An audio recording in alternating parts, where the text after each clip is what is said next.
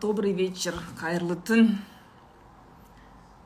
иә қайырлы түн добрый вечер. Орыстар доброй ночи десе уже ұйықтау керек деген сөз иә поэтому они в любом случае говорят добрый вечер күтіп отырдыңдар ма жиырма үш нөл нөл деп айттым ғой түнгі шай звук хороший? Ро привет.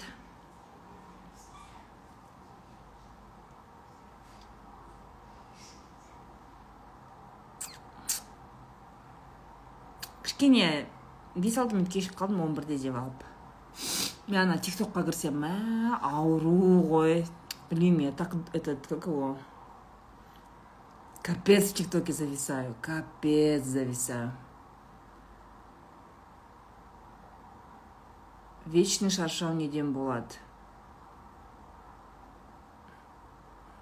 по-разному может быть я не знаю но я для вас готовлю а, на, в подарок Для тех, кто когда-либо покупал у меня курс,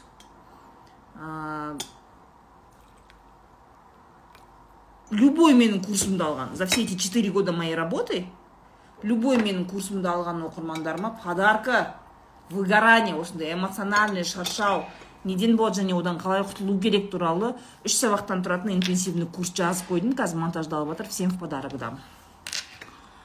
Ойбай жай жай жаздыңдар көрмей жатырмын.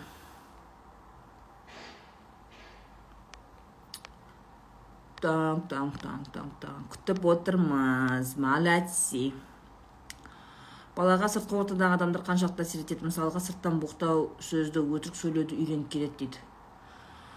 А, сырттағы влияние очень сильно очень сильно.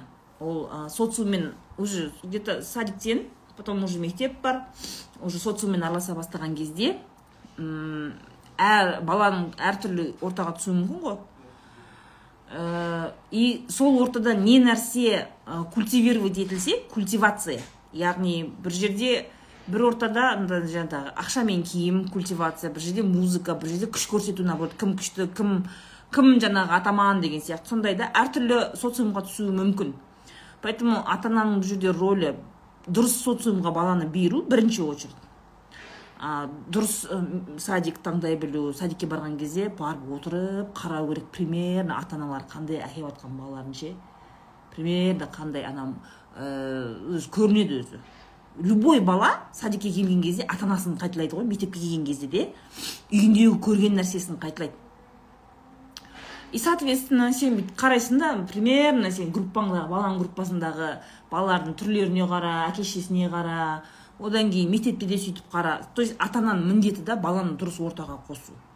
Ол бірінші мәселе. Екінші мәселе ненің дұрыс ненің дұрыс емес екенін балаға отырып алып шайнап айтасың түсіндіріп ойын түрінде сөйлесіп отырып бірге ойнап отырып постоянно түсіндіруден шаршамайсың.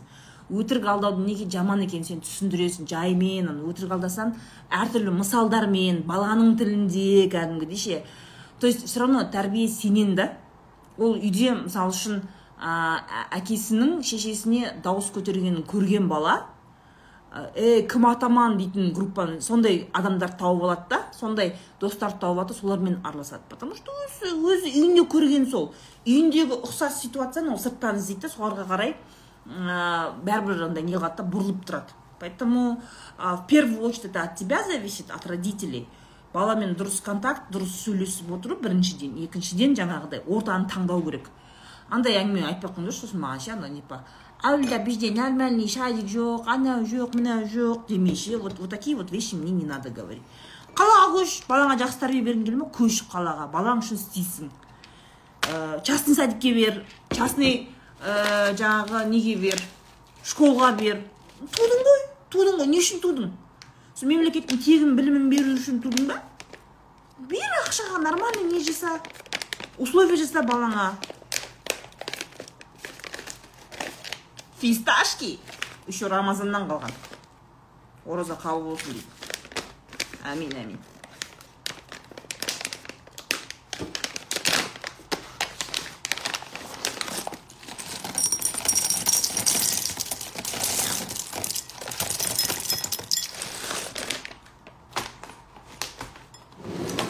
кеттік. Шаршай берем. Шаршамасайсың мақпал. Тик токта не қарайсыз дейді тик токта менің лентам осы бір үш ай дегенде ма енді дұрысталды вот то что я хочу. Бірінші кезде тик токқа кірген кезде всякую фигню дает самое главное тик токта бәрін көре бермеу керек та. Тик ток не ұсынады соны бүйтіп тентек құсап бүйтіп деп қарап отыра беруге болмайды. Именно ұнамады ма? Бірінші секунд екінші секундта надо пролистывать пролистывать пролистывать. И уже сен реально саған ұнап до конца көрген видеоларды ғана жібереді да тик ток ше а көбісі сараламайды ғой бәрін до конца көреді бәрін. Я сразу не смотрю. Енді қазір маған ұнайтын жынды в основном социальный роликтер келеді да социальные ролики то что вот показывает қазіргі кезде адамдардың ортасында вообще ә, тик токтың маған ұнайтыны инстаграм он такой весь правильный же. Инстаграмда бәрі әдемі абаларына күшті сурет қойып алған енді жаңағыдай инстаграм профильдер тура паспорттар сияқты ғой. Про меня про мою семью моя любовь мои цветы мои бірдеңе короче бәрі идеальный а тик ток ондай емес. Тик токта вообще бетперде жоқ қой. Вот как она есть адамдар ше и реально комментарий я особенно много читаю комментарии под разными социальными роликами. И реально халықтың бетпердесін көресің да ол менің жұмысым иә для моего социального эксперимента. Мен негізі енді естественно осындай маман болғаннан кейін халықпен жұмыс істейтін адам болғаннан кейін маған социальный психологияны білу ол міндет практически. Ол менің жұмысымның бір түрі яғни мен аудиторияны білуім керек та. Ал аудиторияның вот бет пердесі жоқ аудитория. Тик токта ғой. Прямо кайф маған ше. Ана астында қырылып жатады ғой. Мама обожаю. Ал қазір уже инстаграмда өйтпей инстаграмда бәрі қазір періште бәрі ақтырна бәрі ақылды бүкіл жаңағы нелерді оқып алған көріп алған жаңағыдай барлық ақылды блогерлардың бәрін психологтардың коучтардың бәрін оқып алған бәрі күшті. Бүйтіп маска киіп отырады. Все такие в инстаграме. Вот тик ток идеально. Вот бет пердесі жоқ аудитория. Вот вот прям там.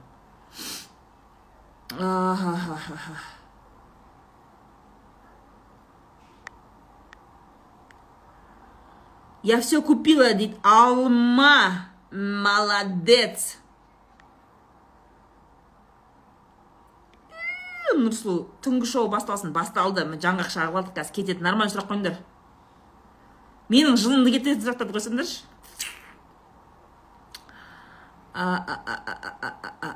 сәлеметсіз вот этот аккаунт көк бөрі 0909 по моему вы из кайдзена по моему я смотрю что вы постоянно смотрите мои сторис. Мужчина.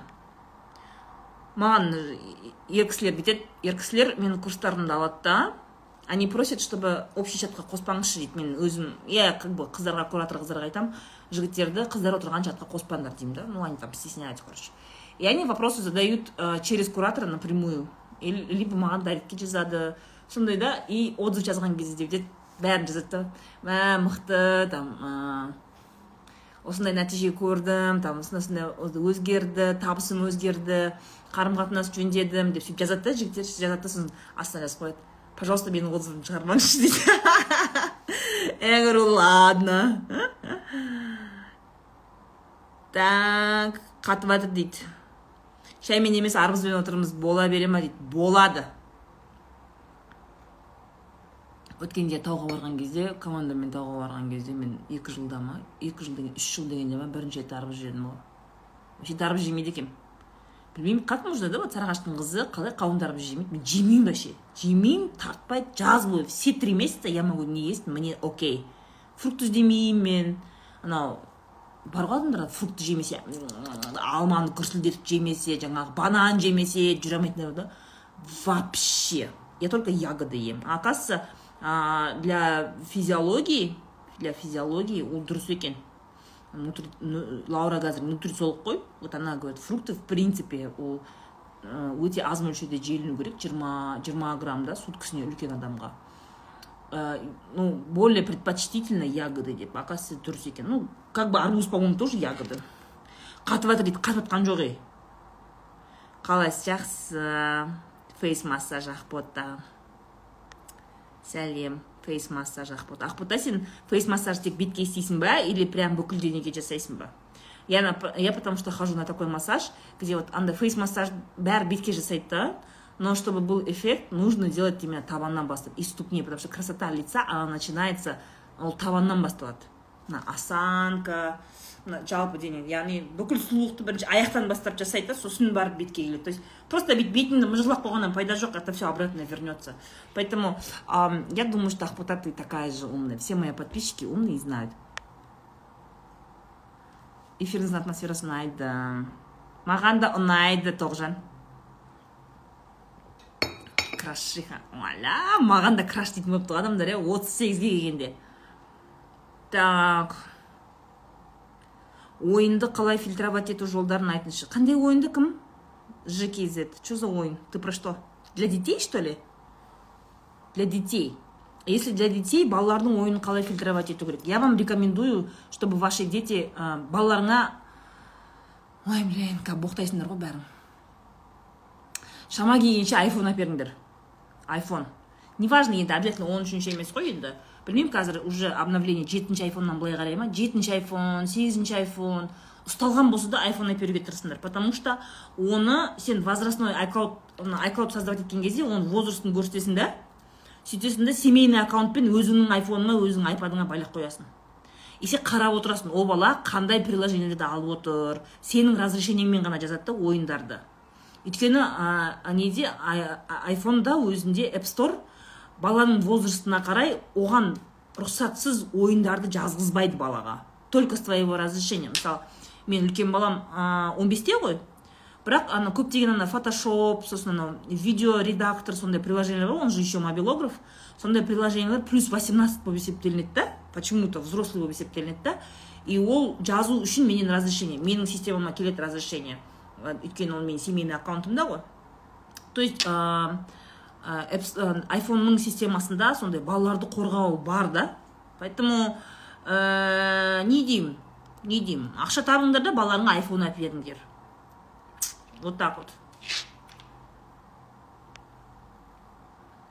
Дос ұсабаевқа ұқсайсыз дейді. Рахмет.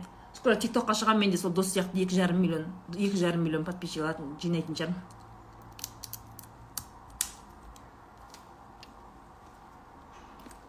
Екі жыл бизнесімде өсу жоқ. Қарызға басталған өзі қарыздан қарыз болып кетті. Бұл менің финансты дұрыс қолданбауымнан ба или ойымнан ба дейді айдана.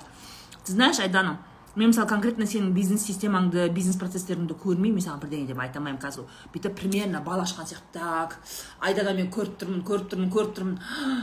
Сен менің просто ақша курсымды алмағансың. Сол үшін сен қарыздан шыға алмайсың. Деп айтсам сен сол кезде менің курстарымды сатып аласың да сразу проблема шешіліп кетпейді ғой дұрыс па?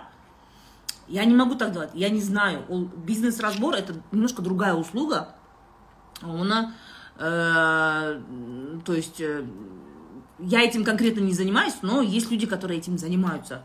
Ну, соңғы кезде, честно, у меня очень много запросов на то, чтобы я разобрала чей-то бизнес. То есть, посмотри, какие, где я проседаю, какие у меня проблемы деген сияқты, да. Э, ну, пока у меня такой услуги нету. И мен бүйтіп отырып алып сен мысалы мына жерде сенің бизнесің не туралы екенін де білмеймін ол тауар ма ол қызмет па?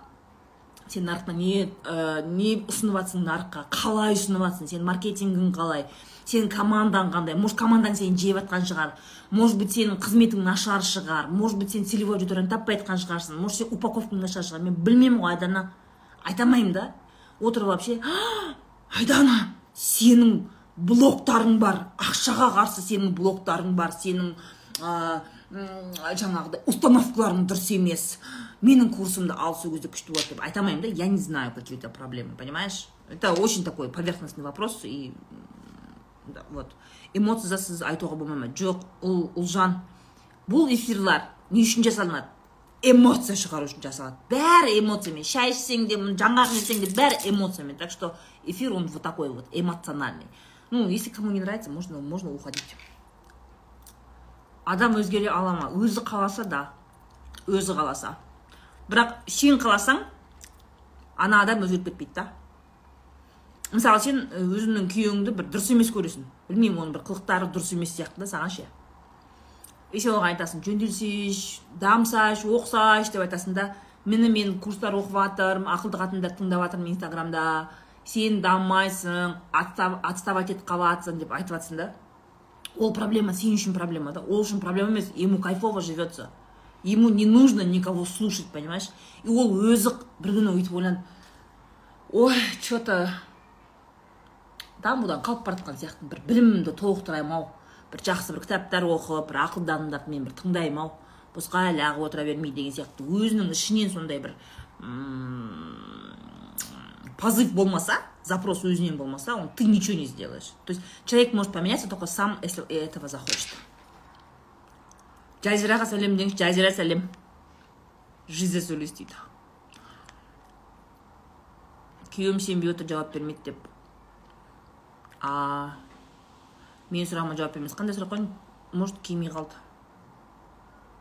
білегіңіз білезіңіз әдемі екен рахмет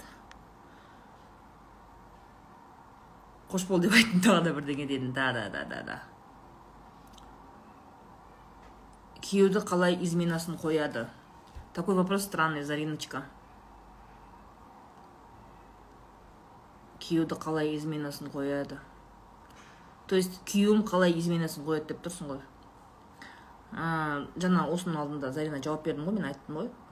Уже примерно общем айттым да. Вот сен күйеуіңе измена жасау ұнайды да вот ему нравится вот ходить налево с женщинами встречаться ему это нравится. Ол оны проблема көріп тұрған жоқ. Әй осыдан менің қатыным жүрегі ауырып жатыр ау мен үйім берекесін қашырып жатырмын ау бала шағам маған разочароваться етті ау әке шешем маған сенбей қояды деп ол вообще қыртына шығып кіріп жатқан жоқ. Ему что интересно? Ему интересно изменять. Ұнайды да оған понимаешь? И сен оны қойдыра алмайсың пока он сам не захочет бір күні өзі есіне құрсын мен қояйын осыны. Елдің бәрін қаншып біттім ғой демесе а возможно это любовь у него уже а может муж вас не любит больше? Такое же тоже бывает. Ребят не надо думать что мынандай нәрсе бар да енді өмір болғаннан кейін бәрі болады да адам қателеседі иногда жақсы көремін деп ойлайды да үйленгеннен кейін екі үш жылдан кейін понимает что жақсы көрмейді или просто жақсы көреді реально но время проходит и любовь проходит. Такое тоже же бывает. Ондай нәрсе болады ғой это же норма. То есть никто не гарантирует сен өле өлгенше да, да, өле өлгенше сенің махаббатың өшпейді деген мәселе емес. Бывает и такое. Иногда оны реабилитация жасауға болады если оба партнера хотят этого. Иногда нет иногда нет. Сондай кезде кішкене отырып сөйлесу керек та неге неге неге ну неге неге деген. Блин я все эти тикток приколдардың бәрін жаттап алатын болдым ғой. Неге неге ну неге ну неге сен жүре бересің деп айту керексің да? Сен оны конкретно сөйлесу керексің неге сен жүре бересің? Не жетпейді саған. Давай бір жағына қарай шығайық деген сияқты. Или екінші қыз қатын қылып алсын да тынышталып отырсын. Не бір жағына қарай өзің де шықсайшы сөйтіп қинала бермей. Мен білгеніммен біреумен бөліскім келіп тұрады дейді. Бөліс. Бөліс в чем проблема? Эфирлеріңіздің бәрі соңғы темалар күйеудің изменасы болып кетті дейді. Сондай ма не? По моему я такого не часто говорю. Тиктокта не қарайсыз дейді. Айттым ғой жаңа. Социальный более социальный жиза жиза видеолар қараймын. Осы парақшаны көріңіз роза ханым массаж аяғыңызды шашыңызға ұшына дейін жасап береді дейді. Да да да да да спасибо. Family Link бар ғой андроидта дейді а сондай ма я не знала сори для людей э, на тех кто на андроиде я не знала что он сондай защитасы бар сондай система бар екенін білмеппін я думаю что это только apple appleда ғана бар деп ойлаппын если бар болса қолданыңыздар ой ойың шашыраңқы болса бір жүйеге келтірудің қандай жолдары бар? А, концентрация ұстай алу ол да навык қабілет. Яғни ойыңдағыны жеткізе білу. Біреулер бар да бірдеңе айтып жатады да даже вот сөйлескен кезде достарыңмен сөйлескен кезде или бір ә, например ты с кем то споришь и ә, доказываешь свою позицию. Бірақ басында не айтып соңында не айтқанын ұмытып сөзден жаңылып жүрді позор болып соңында жеңіліп қалатын адамдар болады да. Это причина в чем ә, именно ойды жеткізе алмауда.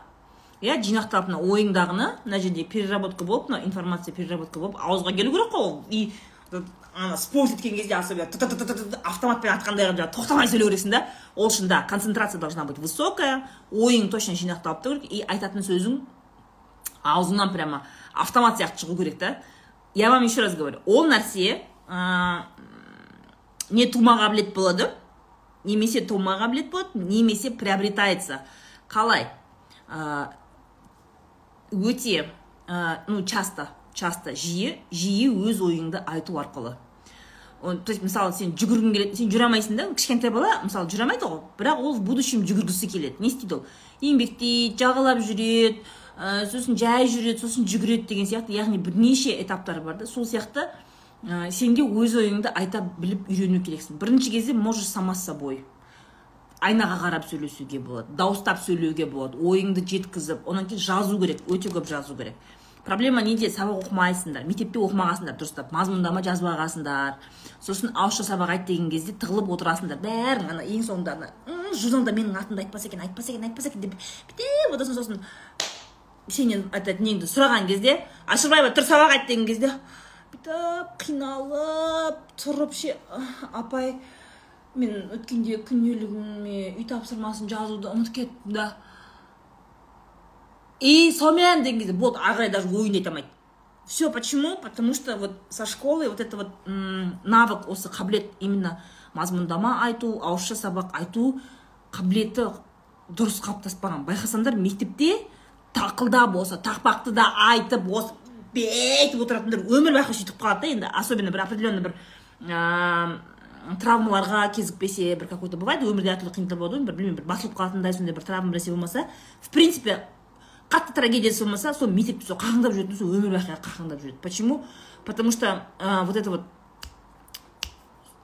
ол, ол мектептен болатын нәрсе да ол бірден болып кетпейді ол.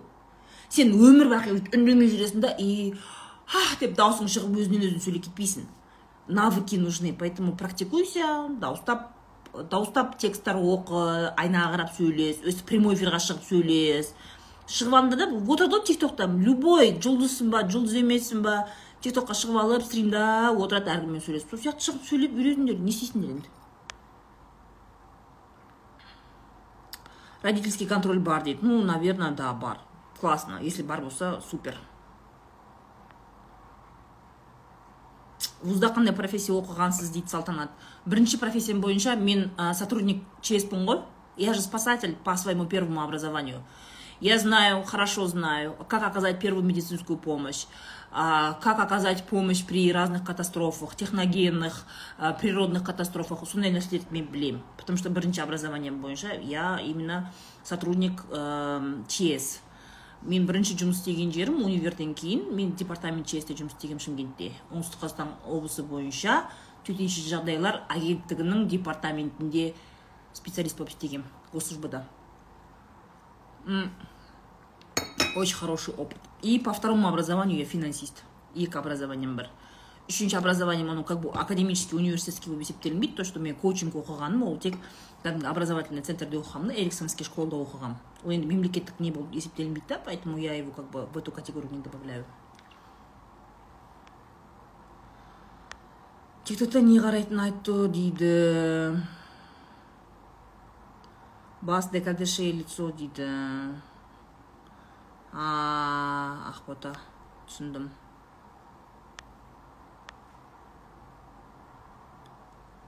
Гуми сұрағымнан секіріп кеттіңіз ғой. Қойған жоқсың ғой мен көрген жоқпын.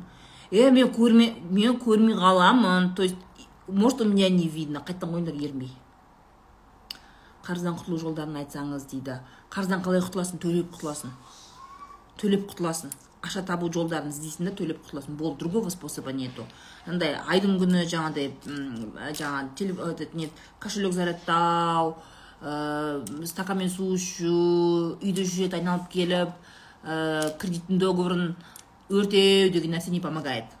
Извините қарыздан құтылу үшін ты просто зарабатываешь больше денег и құтыласың ақша потогын ашу курсында я об этом рассказываю. Откуда вообще берутся долги? Как от них э, эффективно избавляться и правильно избавляться более конкретно мен сабағымда бар барып алыңдар қазір міне бүгін бірінші күн. Ә, бірінші күн енді тағы екі күн қалды. Мен бүкіл курстарыма елу процент жеңілдік және бір жылдық доступ бар. То есть обычное время просто ақша жүз отыз мың болатын болса енді бүкіл менің новый да ескі да курстарымды бәрін жинап бір жылға доступпен жүз қырық тоғыз мың теңгеге алуға болады міне бүгін бірінші күн өтіп кетті. Алатындар алып алды. Пысықтар бірінші мініп алғандар пойызға. Енді екі күн қалды. Ә, обязательно покупайте. Обязательно осы мүмкіндікті қолданып потому что больше таких скидок не будет.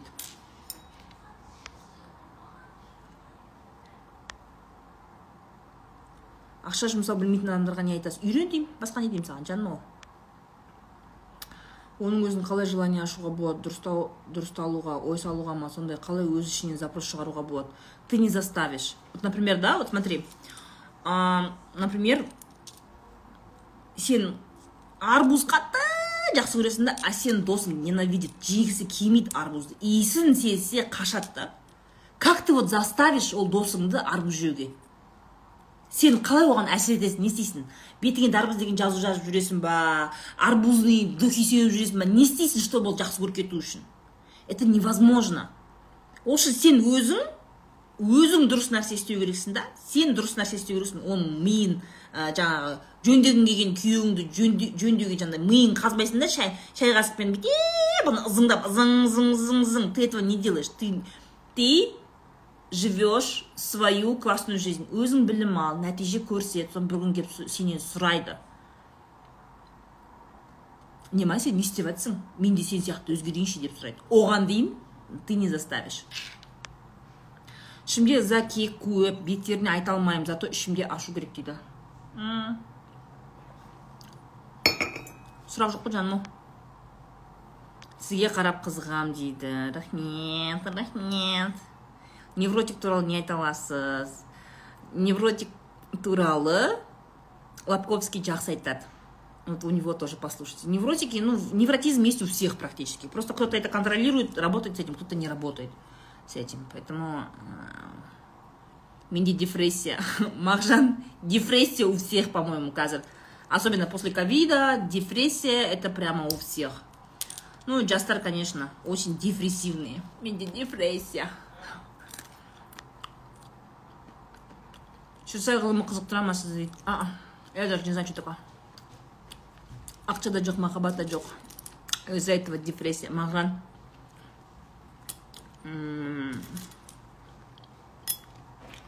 айтпақшы ақша және махаббат деген интенсивный курс жасап жатырмын ғой мен.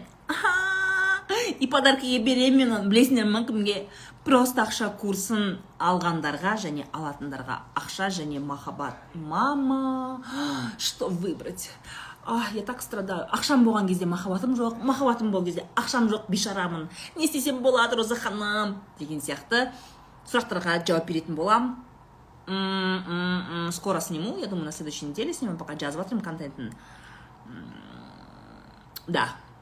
И как только будет готово просто ақшаны алған алатын менің сүйікті сүйікті сүйікті оқырмандарыма сыйлыққа беремін.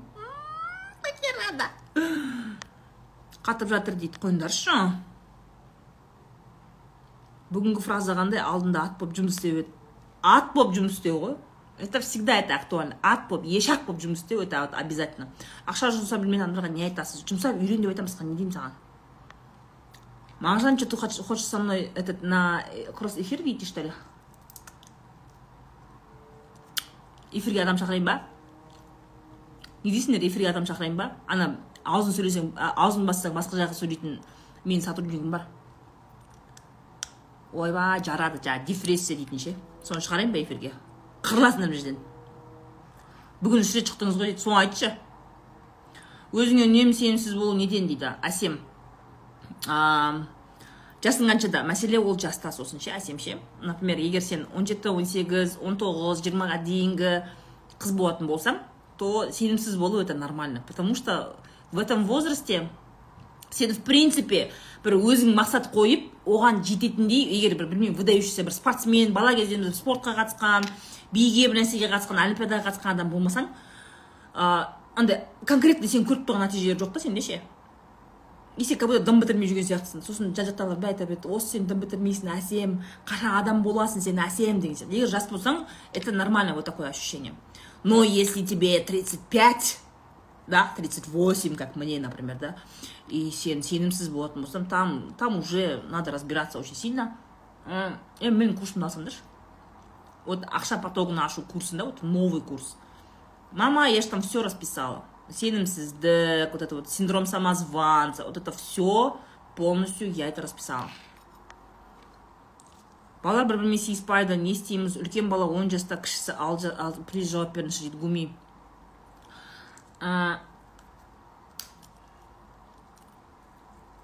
ты знаешь балалардың сыйыспауы это норма но родителями это нужно контролировать И надо понять олар не үшін қырылады бір бірімен мысалы мен балаларым менің екі баламның бір бірімен қырылысу себебі ә, кішісіне ұнамайды да үлкеннің үлкен болғаны. Он даже когда помладше был кішкентай балам мені сұрайтын еді да ана мен қашан ағамның ағасы боламын дейтін еді да. Он, он мечтал ағасынан үлкен болып оны жұмсауды не істеуді то есть его не устраивало не устраивало то что он екінші орында. Екінші бала.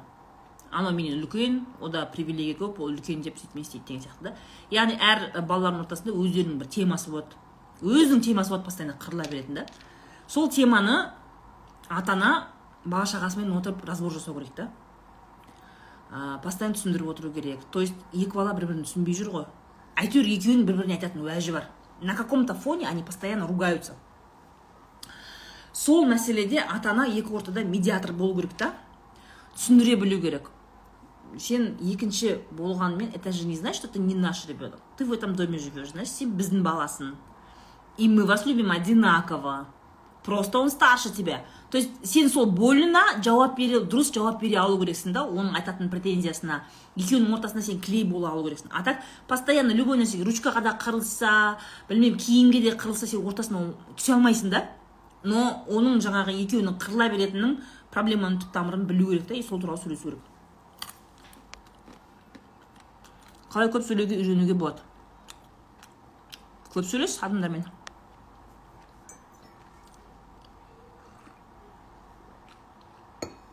защитаны қолданып болғанбыз ғой ойын закрыть алмаған балам ютубтан қалай ашу керегін көріп алып ашып алыпты дейді. Ну дети хитрые. Дети хитрые. Мои тоже обходят какие то мындай взлом сондай жасағысы келеді но почему я говорю про apple? Apple это невозможно. Android'та можно обходить пути, Google'да всегда взломанный ойындарды жазып аласың, взломанный бірдеңелерді жазып аласың, да. Android'та это вот, Android он весь дырявый, короче. Да? Дети умные, қазір ютубқа шығады да, көріп алады да, соны істейді да, бәрібір не қылады, они обходят. Apple'да у тебя не получится этого сделать. Просто не получится. Невозможно его обойти. Поэтому я рекомендую айфоны покупать детям.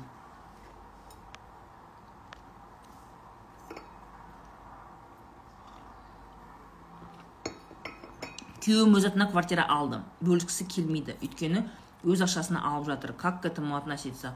Айдана ну ә, согласно ә, жаңа не закона қазақстан республикасының неке және отбасы заңына сәйкес ә, неке уақытысында алынған кез келген дүние ә, совместно нажитое имущество болып есептелінеді. Яғни екеуіңіз үйленгеннен кейінгі алынған үй машине жер бәрі екеуіңізге иелік етесіздер екеуіңіз иелік етесіздер. Если у вас нету законного загсте егер регистрацияңыз болмаса онда извините.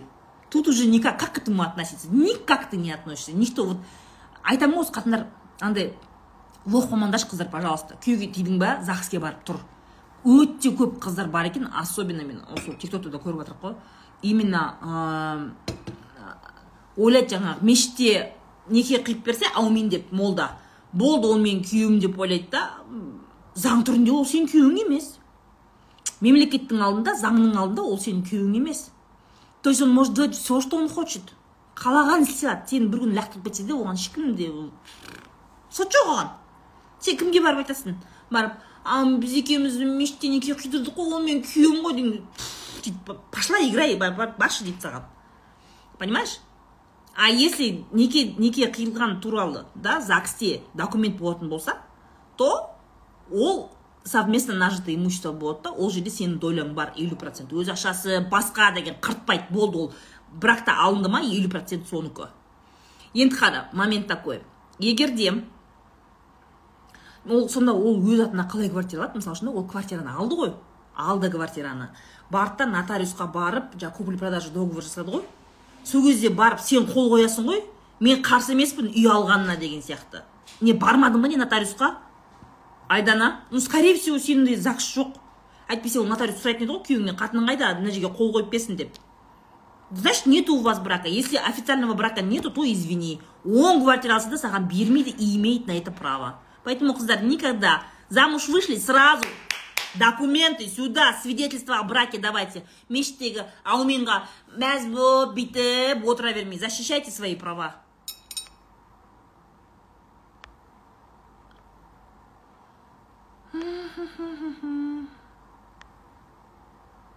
сіз мектепте қалай оқығансыз нашар оқыған десең ну нормально средний так не скажу что была отличницей не скажу м-м. Тем более менде үшінші даже төртінші классқа дейін ба?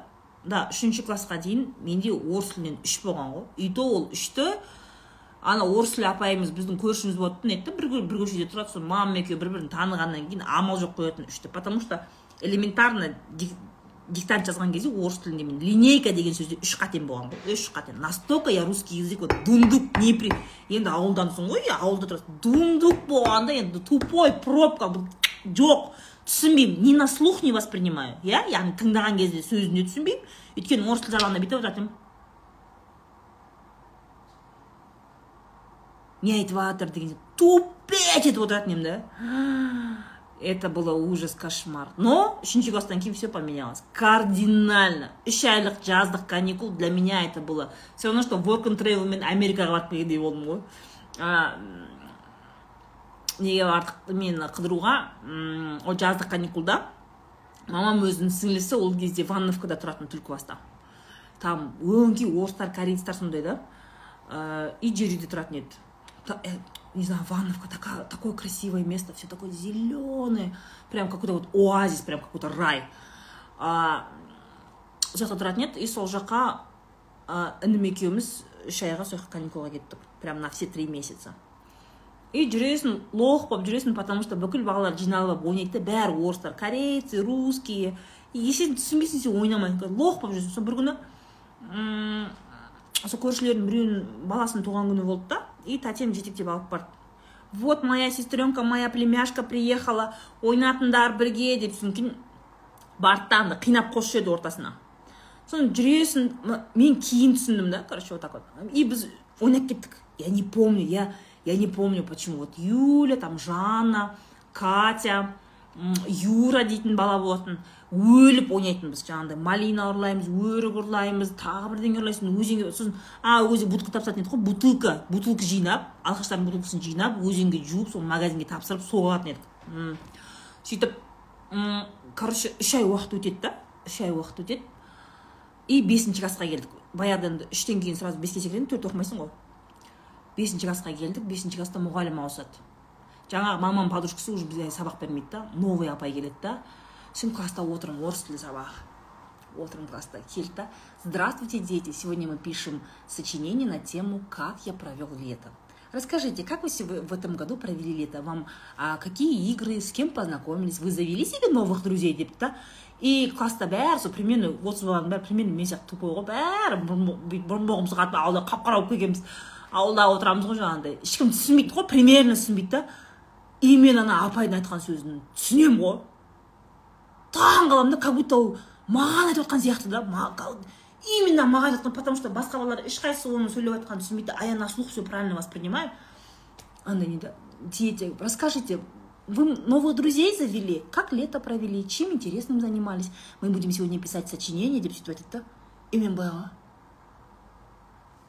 бүйтіп қолын көтергенсің ғой содан кейін да да да говорите да я в этом году была в гостях у моей тети познакомилась э, с новыми с новыми друзьями у меня подруга катя деп сөйлескен кезде ана апайдың өзі охренела же мына қызда бірдеңе бар деген сияқты да сөйтті да ол сразу мені сабақтан кейін шақырып алды да Сабақтан кейін шақырып алды да и сразу орыс тілі әдебиетінің несіне үйірмесіне жазып қойды да мені олимпиадаға дайындай бастады. Это пятый класс.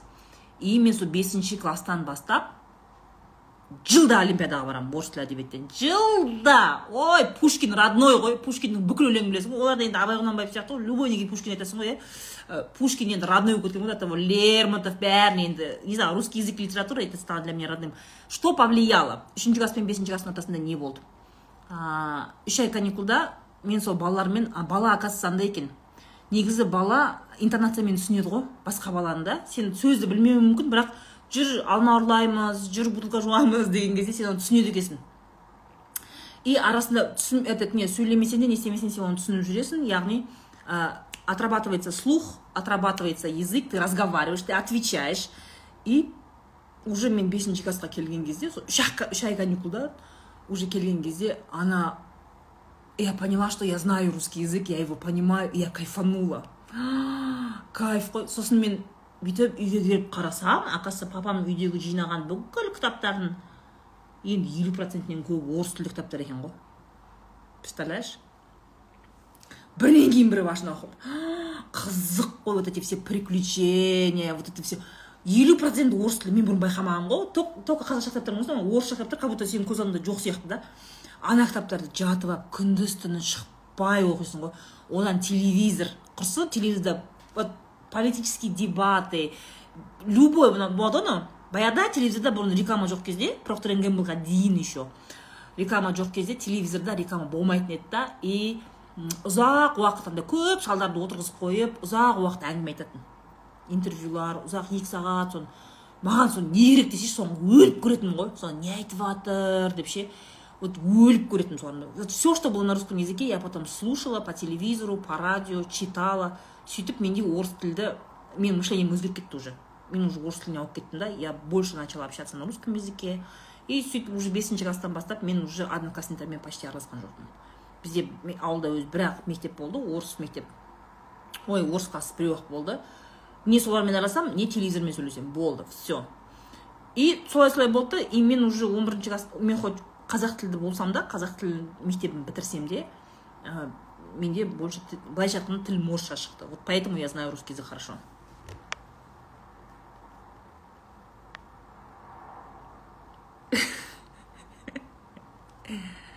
Да. Ағылшынша видео көріп үш жасар қызым қазір заттарды ағылшынша айтады раиса мынандай ғой тема ше ана бізде жадыра тойбай бар ғой біздің подругамыз ше профориентолог. Соның қызы тілі ағылшынша шықты ғой. Инабат деген қызы ағылшынша шықты да и олар прям кәдімгідей қиналды. Ол енді ағылшыншасы оның жаңағыдай тек қана заттарды емес жалпы бүкіл речь ағылшынша шықты. Ағылшынша мультиктер көп көрдім білмеймін. Короче это нереально. Они даже вот с родителями общаться было сложно. Жадыралар енді папасы екеуі кәдімгідей ағылшынша сөздер үйренді бір күні даже такой история она рассказывает ә, баласындай болған ғой қызы ше дворда ойнап жүрген да и папасы мимо проходил и естіген ғой қызы help help деген ғой help help деген ғой сөйтсе сосын күйеуі мән бермеген сосын үйге келеді да жакош ә инабат ойнап жатыр ғой деп екеуі сөйлесіп несе жақта сосын бірдеңе деп айғайлап жатыр не деп айғайлап жатыр десе help help деп ойбай help деген құтқар деген сөз ғой деп екеуі до того да уже түсінбейді да понимаете? И ана бір рет үйге бізге келген кезде де қай жыл үйге келген кезде де тоже біз таң қалғанбыз андай. Қызым бол енді тұр енді шузыңды алып кел алып кел шузыңды аяқ киіміңді мама это прямо горе когда вот өзің ағылшынша білмейсің бірақ балаң ағылшынша сөйлеген кезде это это очень такое күлесің күлесің бірақ оңай емес кейін қазір бірақ енді жақсы нормально қазақша сөйлеп сөйтіп орысша сөйлеп сөйтіп не кетті ғой но балаға языковой средаға кіріп кету оңай. Жүріп бутылка жуамыз ну да.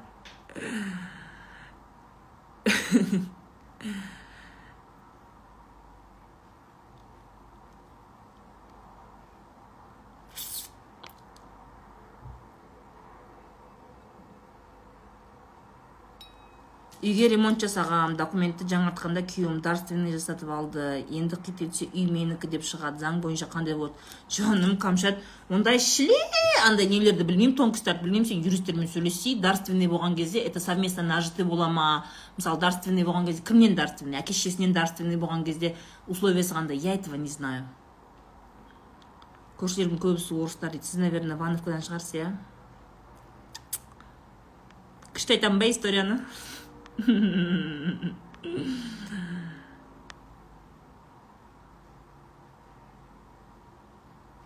да да да. Мен сөйтіп алдын орыс садигін салып жүрген мә содан соң қазақша мектепке жіберді ғой дейді одан кейін универ орысша қазақша в общем думаю на русском ғой дейді да это вот так вот.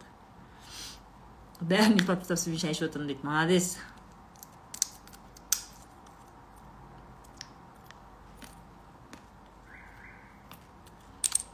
балаларым аш отыр дейді мына жерде айдана. Постоянно шығады. То мамасы ауырады то баласы ауырады. Енді аш отыр дейді. Ақшаларың болса берсеңдерші. Өтірік шының қайда метр өзі жауап береді ғой. Артық жүз теңгелерің болса беріңдер мен телефон тұр ғой мына жерде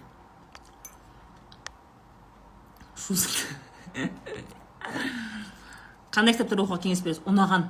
Мачевский. Ұнаған кітаптар оқысайшы. Главный оқышы. Маған қандай жоқ оны оқуға болмайды деп айтты оны болмайды оқуға емес та. Оқышы главный вот любой кітап өзіңе ұнаған кітапты бар да таңдап ал меломанда. Меломанда че хорошо кітап магазиндері че хорошо барасың да мазмұндамасын көресің бүйтіп қолыңа ұстап алуға стоит па не стоит па деген сияқты сондай возможность бар да. Бар да ұнаған кітапты ал да көр оқып көр сөйтіп ал. Иә орысша қазақша дейді. Университет білім карьерада қаншалықты маңызды? М, в зависимости от того сен қандай саладасың қандай саладасың ә, барлық нелерге барлық мамандықтың астарында академический білім болған дұрыс деп ойлаймын мен. Даже если сен косметолог болсаң да косметолог болғанда жаңағыдай даже вот фейс массаж дейсің ба сондай істесең де сенің академический білімің медицинский болса это классно. Сен эксперт ретінде сен ұтасың да. А, мысалы қазіргі дизайнерлер көп та графический дизайнер UX UI дизайнер игровые дизайнеры. Көп ондай мысалы этот нелер көбісі самоучка. Көбісі самоучка да? Андай шабытпен немен барғанда бірақ та ә, академический білімі бар именно художественный академияны бітіргендер мына жүргеновті бітіргендер. Сенде теория бар да сенің фундаментің мықты да. Соның үстіне сен еще өзіңнің креативіңді дамытатын болсаң это классно. Это прям классно. А, тағы не ну қазір көп мамандықтарға рас керек емес та айтишниктерге возможно керек емес. Бірақ именно математический физматты бітіріп барып айтиға кеткендер они конечно они на голову выше чем те которые самоучки. Ондай да бар да. А, бірақ иногда бывает что адамда сондай академический білім жоқ но әйтеуір как то везет. Тут уже мындай бір қатып қалған заңдылық жоқ та но это желательно. Я за то чтобы было академическое знание.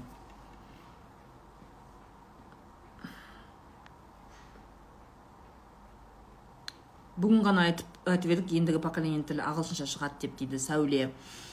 А, да такой риск есть. Егер қазір бізде министерство культуры кішкене атсалысып жұмыс істеп бізде мынау информациондық м, атакаларда информационно бізді қорғай алмаса оған көп ақша керек. Иә кез келген мультфильмдер қазақ тілінде қазақ тілінде болмаса ә, запрет на просмотр деген сияқты. Осындай бір шаралар сосын жалпы сапасын мультфильмдердің сапасын ә, жоғарылатпаса кітаптардың сапасын жоғарылатпаса иә тілің уже орыс тілінде немесе ағылшын тілінде шығады. Это это факт это факт. Менде екінші балам тілі ағылшынша шықты. Үлкен баламдікі қазақша шықты. Потому что ол кішкентайынан во первых ол телевизор көрген жоқ ол тек қазақша өлеңдерді тыңдайтын ата апасына қосылып алып музарт тыңдайтын оның тілі қазақша. Даже қазір ағылшын мектепте оқыса да ол қазақша сөйлейді. Мен орысша сөйлесем олар маған қазақша жауап береді. Ал інісі кішкентай балам ағылшынша шықты. Он даже какое то время даже на японском каким то образом ютубта японский видеоларға шыққанда у меня даже видео есть где он читает на японском языке называет месяца на японском языке. Еще андай эмоционально ше ичи ол андай ғой ондай ичи ни бірдеңе деп сондай да осылай даже эмоциясына дейін салып айтатын еді да. «А, біз қорқамыз ма ағыл- японский сөйлейтін болса ағылшынша хоть как то горе пополам түсінуге болады японский сөйлесе не істейміз ертең дегендей жоқ это был определенный период он прошел и обратно ағылшынша болды да. Негізінде кіші балам көбіне он как я ол орысша ойлайды бірақ ә, орысша и қазір уже ағылшынша ойлайды. Өйткені ағылшын мектебіне барады. Екеуі де өткенде өткенде сол ә, біз енді айттық қой балаларға ә, лаураның енесі қайтыс болды деп мұқаштың әжесі қайтыс болды деп түсіндіріп айттық қой балаларға. Сол кезде балам айтады да кішкентай балам айтады а, анау ол ескі емес еді ғой дейді да. То есть ескі емес дейді да ол неге ескі емес дейді? Потому что ағылшын тілінде слово old old деген сөз это касается всего. Кәрі адам болса да old ескі дүние болса да old деген сөзді қолданады да. И он естественно подумал на английском языке и маған қазақша переводын айтты да анау ол ескі емес еді ғой дейді да. Әжесін көрген ғой мұқаштың әжесін? Көрген жас екенін біледі ондай қатты қария емес екенін біледі внезапно ауырып қайтыс болды ғой и ә, айтады да ана ол ана ол ескі емес еді ғой дейді да. То есть он думает на английском а маған переводтап қазақша сөйлеп жатқан тұр ғой типа. Понимаете он ол он хотел сказать қатты кәрі емес еді ғой деген сияқты да? Вот эти вот моменты есть он все таки думает на английском на русском. Ну, вот поколение такое хорошо старший сын не такой. Бауырларыңыз сіз сияқты ақылды шығар дейді да? Иә. Біз төртеуміз де сондаймыз. Философ біз төртеуміз жиналған кезде құрсын аузымыз жабылмайды цыгандар сияқты төртеуміз бір бірімізге сөз бермейміз ғой. Айтады ә, енді біз үш қыз менде екі сіңілім бар ғой. Інім екі сіңілім бар. Інім үйленбеген екі сіңілім тұрмыста. Үшеуміздің күйеулеріміз үндемей отырады да біз үшеуміз інім қосылады төртеуміз ана үшеуі ана үшеуі вообще сөйлемейді спокойно отыра береді. Кәдімгі цыгандар папам қосылады оған ше сөз бермейміз ғой шіркін ай мамам бәріміз ше. Олар үшеуі отырады былай көздері бақайып майын табыстап айтасың дейді. Жасым рахмет. Жасым жиырма алтыда қалай орысша үйренуге болады? Вообще орта жоқ орыс тілі дейді. Енді орысша кинолар қара кітаптар оқы. Талпынсайшы талпынсайшы кішкене. Бүгін күшті милашка отырсыз ғой дейді. Да да да да.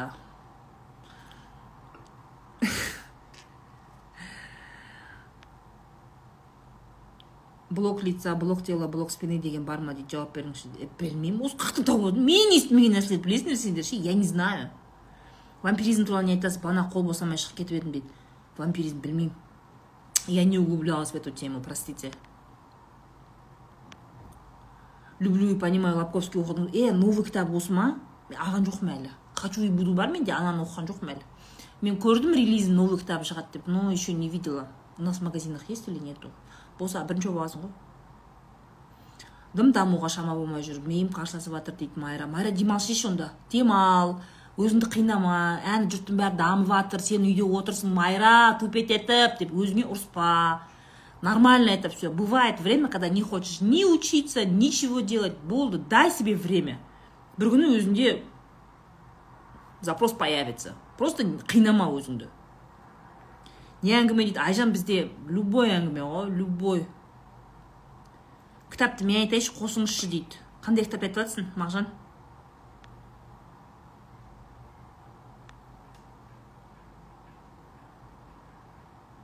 Сізге арнап киім тіксем киесіз ба дейді вопрос ол үлкен мәселе мен киімге капризнымын ғой киімге келгенде мен сволочьпын ғой таза сволочь андай мыстан болсам қиын да тігісіне қарайсың лекаласына қарайсың қалай отырады матаның качествосына қарайсың жаңағы жіптер не торчат торчат не торчат қалай қалай тіктің тігісі қандай қандай машинкамен тіктің деген сияқты да. Өте сондай қиын адаммын маған мен ол жағынан вкусымды табу өте қиын. Поэтому білмеймін енді. Иә и смотря что ты там шьешь білмеймін мен сені әуре қылғым келмейді. Иә деп айтып вообще.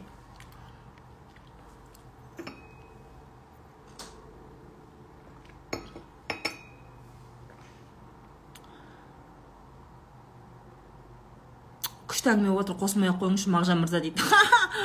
Бала тәрбиесіне қатысты курс шығарасыздар ма бала тәрбиесіне қатысты мен у меня в планах нету простите. Детьми пожалуйста занимайтесь сами. Доход бір орында кейде даже аздау бірақ көбеймейді. Интернет магазин әрі қалай дамуға болады. Қандай кеңес бересіз гаухар? Интернет магазиндер қазір өте көп. Конкуренция огромная. Білесің иә гаухар иә? Өзің де көріп жатсың қазір бәрі интернетте сататын болған. Почему? Потому что дешево бұрын интернет жоқ кезде бәріміз амал жоқ бутик ашатын едік та магазин ашатын едік тауарлардың бәрін іліп қоясың. Ай кел мына жаққа кел мына жаққа кір менің бутигімнен көр деп деп клиенттерді шақырасың. Сондай еді да қазір сатылым неде? Интернетте бәрі. Интернетте сапалы сурет қызықты трендовый суреттер болу керек ұсынысың ұтымды болу керек сен өз товарыңды күшті қылып көрсете алу керексің. Яғни қазіргі кезде кім ұтып жатыр креативный реклама беріп жатқандар ұтып жатыр тик токта продвигать етіп жатқандар ұтып жатыр и визуал. Естественно сен тауар сатқаннан кейін интернет магазинде сенде визуал идеальный болу керек. Идеальный. Бүкіл ақшаны сен визуалға саласың. Это вот стопудово. Мысалы ана бибота бар ғой. Биботаның магазинін қараңдаршы бибота студио. Оның ә, несі контент мейкері именно страницаны жүргізетін адам очень дорогой специалист. Очень. Очень талантливый и дорогой специалист. Поэтому сен биботаның магазиніне барсаң страницадағы көрген киімді таппайсың потому что жоқ жұлып кетеді жұлып жоқ таппайды заказ это, бірдеңе алайын десең таусылып қалды қазір цехқа заявка берем. Ыыы күте тұрасыз ба дейді маған ше бибота ту осы ала қояйын десең жоқ қой жоқ жының келеді да амал жоқ ұнағаннан кейін аласың мысалы үшін да. Прям кайфуешь. Онда реально технология пошива у нее классная она очень качественно шьет у нее очень универсальные вещи. Маған ұнайды да ше и реально оның контент мейкері очень дорогой. Очень. Прямо и сен қай кезде сенің саудаң жүреді интернет магазинде подачаң тауарды қызметіңді ұсыну подачаң оригинальный болса спрос создавать ете алсаң трендте болсаң сенің саудаң жүреді. А так просто так андай шығыткізіп суретке салып суретке түсіріп сала бергеннен ондай бірінші алғашқы қазақстандағы алғашқы интернет магазиндерде да это было так. Любой қисық писық қылып сурет түсірсең де әйтеуір ала беретін тұғын да? Қазір уже все конкуренция огромная и сен ерекшелену үшін сенің контентің ерекше болу керек. Сондықтан да ә, жақсы суретін айфон аласың по любому магазиніңде светің жақсы болу керек. Если киім магазині болатын болса модель жалдайсың. Әдемі сүйкімді трендовый арық модельдерді жалдайсың да олар модный қылып последний он үшінші айфонмен суретке түсіріп кезесің сөйтіп жатасың басқа айтып жатасың жаным басқа мамандықты қалай таңдадыңыз? Как вы решили стать финансистом с другой профессии? А, а, мен а, почему я так решила? Финансы негізі мені всегда интересовало всегда интересовало особенно сол бірінші оқуымды оқып жүрген кезде. Үшінші төртінші курста маған сол ұнай бастаған и я решила для себя что я дальше доучусь. Не үшін ұнады я не помню. Может я тогда в университете с финансистами общалась наверное из за этого. Қызықтым да? О бекер финансыға түспеппін деген сияқты. Оқыдым. Ип ашып сауда бастаймын деген бірақ вообще продажа жоқ не істесем болады. Маркетингті жөнде. Қайырлы кеш.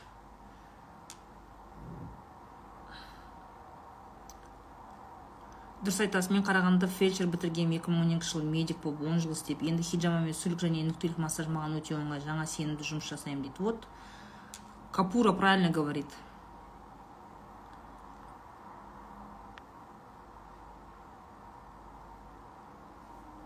То же самое сразу жарысып еще тыңдамайсың да иә тыңдамайсың ініңізге келін керек емес па? Сіздің ініңіз болса өзім түсінді ұят емес көрінемін дейді. Он очень сложный человек. Он не то, что мен әке шешем не смогут его заставить жениться. ол үйленетін болса для него не приоритет қазір байқайсыңдар ма қазіргі щеголдарға үйлену это не приоритет бастары кетіп жұмыс істей ма әйтеуір сондай бірдеңе ғой сосын я не лезу в личную жизнь других людей абсолютно қазақша сөйлеген дұрыс қой бірақ қазақша жақсы мультик жоқ дейді. Да марвинде меломанда бар дейді. Болды алам. Пәлсапа тасы оқығым келіп жүр. Пәлсапа тас деген жаңағы не емес па? Философский камень не ма? Гарри поттердағы емес па? Мен гарри поттерді көрмегенмін де оқымағам да. Осы жерде гарри поттердің фанаттары маған тас лақтырып кетсеңдер болады. Көрмегенмін да оқымағам да. Ренжімеңіздер простите. Может я выросла я не знаю. Хотя үлкендер де өліп қарайды. Можете меня за это, не знаю, не знаю, прибить меня. Я не читала. Как можно выйти из манипуляции? үшін сен манипуляцияны түсіну керексің қайдан пайда болды не үшін болып жатыр жертва болма курсын алсаң түсінесің ұрысып ұрысып тастайтын өзі күшті жейді да. Жас келін өзінен үлкен екі үш жеңгесінің алдына шығып төрге шығып алған ғой мен ой біз үлкендерді күтіп тұрмыз ғой десем ол обязательно емес. Дәлел керек па сізге? дейді маған. Ондай келіндерге не деу керек? дейді. Басыңды қатырмашы раиса. Вот біреулерді тәрбиелемей жүріңдерші сенің келінің ба үйіңде жүрген өзіңнің балаңның жаңағы қатыны ма? Или ініңнің қатыны сондай ма? Ондай вот не лезь. Вот не лезь. Нең бар? Ертең өзінің енесі тәрбиелеп алады ты при чем здесь? Ақтаудан сәлем ақтау сәлем шынымен дамуға шабыт болмай дым жасаған келмейді босағың келе, ә, босағың келетін кездер ғой сол кездер өзімізді қинап содан да бірдеңе жасау керексің деп әйтеуір дейді дам. Өзінше деген приложение шыққан бүгін қазақша балаларға арналған дейді. Супер. Фейри зиян ғой өте дейді. Ты про что? Тамақ сату қалай қарайсыз? Қазір нарықта сұраным бар ма дейді. Іңкар ты знаешь это смотря пп тамақ сен тек үлкен мегаполиста болсаң ғана ол өтеді. Яғни сен ә, жетісайда тұрып сәтбаев қаласында тұрып а, я не знаю сағыз станциясында тұратын болсаң сен пп тамағың ешкімге керек емес иә? Даже өскемен семей сияқты қалалар это очень маленькие города. пп тамақ оның оған спрос алматы астанада ну и шымкентте возможно. Қазір мен байқаймын шымкентте аккаунттар көп ана безглютенный қам, қамыр істеп үйретемін безглютен манты істеп үйретемін дейтіндер өте көп. Молодцы шымкент в этом плане очень продвинутый. Ну большой город да? Актюбинск тоже. Но э, это смотря вот соған қарай. Сосын егер қарасаң нарықта алматы мен астананың өзінде пп кафелер өте аз бір екеу ақ. То есть тек қана пп ға арналған кухняда кухняда кафелер почти жоқ деп айтуға болады. Мен өзім білетін біреуі есентай фитнеста и то фитнестің қасында болғаннан кейін есентай фитнес спаның қасында кішкентай ғана бір ә, как бы уголочек пп тамаққа шайы бәрі не жаңағы иван чай гречишный шай береді авокадо бірдеңе қыртым жыртым ана өзінше правильный болған кезде сол жаққа барып тамақ ішесің. Сосын ә, алматыда тағы да мына жерде ходжановада грин стейшн деген кафе бар. Тоже кішкентай ғана клиенттер өмірі аз. Вот солар тоже очень вкусно готовят но их мало. Их мало. Неге? Өйткені обычно ондай форматтағы заведения они не выживают. Обычно пп тамақты менюда кейбір ресторандар кішкентай бір приложение ретінде қояды да кішкене ғана қойып қояды қасында. А, менюға дополнение бір бес алты тамақ қойып қоюы мүмкін а так нет. То есть полноценно это очень рискованно. Бірақ бізде алматы мен астанада еще очень хорошо развита доставка пп еды доставка жақсы развита алматы мен астанада. Там тоже осыдан екі үш жыл бұрын конкуренция өте көп еді өте көп болған. Қазір ә, уже іріктеліп іріктеліп бір екі конкретный деген екі үшеуі ғана қалды все или он шақтысы ма где то вот так вот. Бірақ мен өзім пп уже не ем нет. Я ем фп физиологичное питание. Это қазір превентивный медицинада қазір енді мода болатын нәрсе но лаура это уже ә, бізге агитирует уже года два. Год два точно полтора года.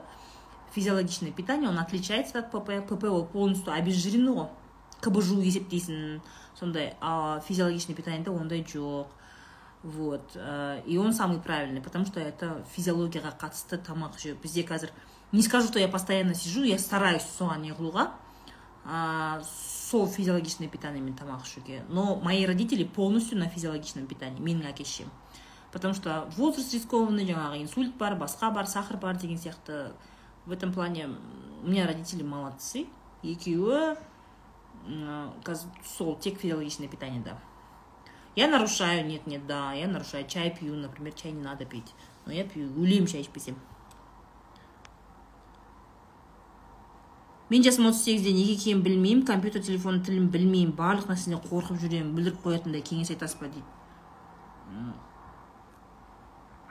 Не деп кеңес айтайын саған?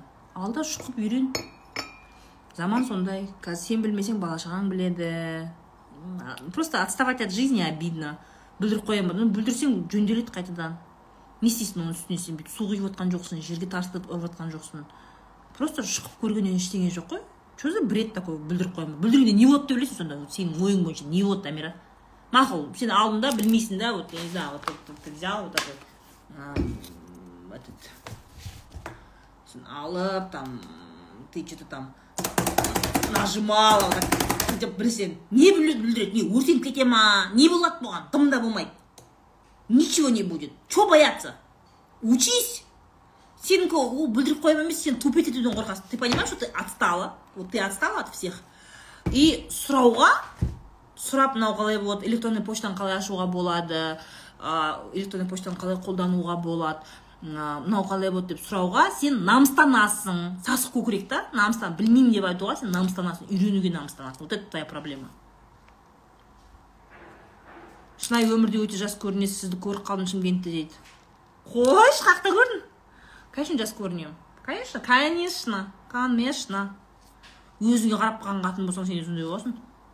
Бір бәле болса өзің деп шығатын болсаң. А фейри деген түсіндім. Анау фейри.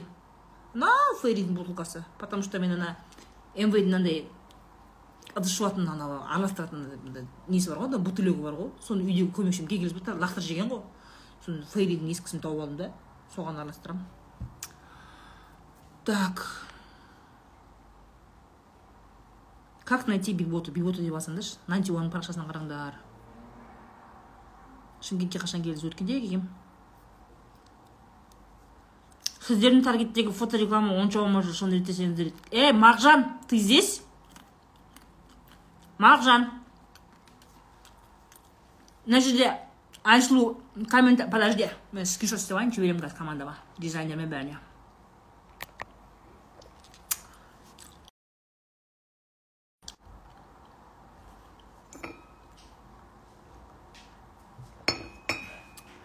Бибота деген кім бибота деген 91 тобының стилисті крутая девчонка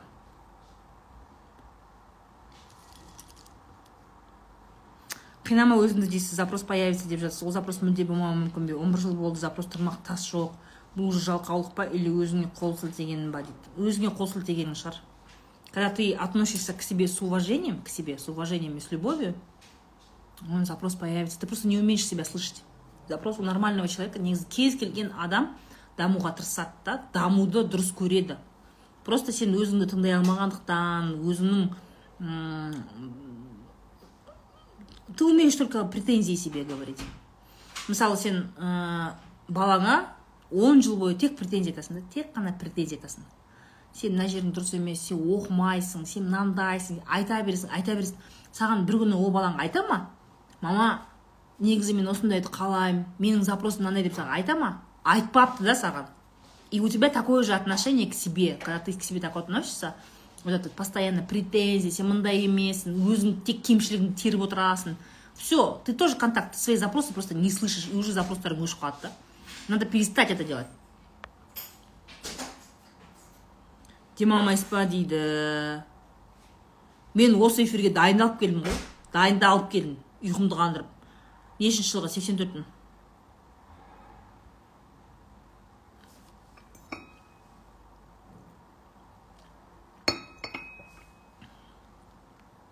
тридцать лет хочу исполнить мечту отучиться на журналиста но страх есть что не справлюсь дейді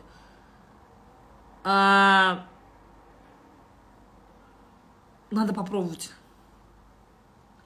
Да есть риск что не справишься арай. Не надо вот өзің өзің андай шіри ожиданияны жоғарылатпай ақ қой да арманың реально журналистиканы оқу болды ма? Бар да оқы.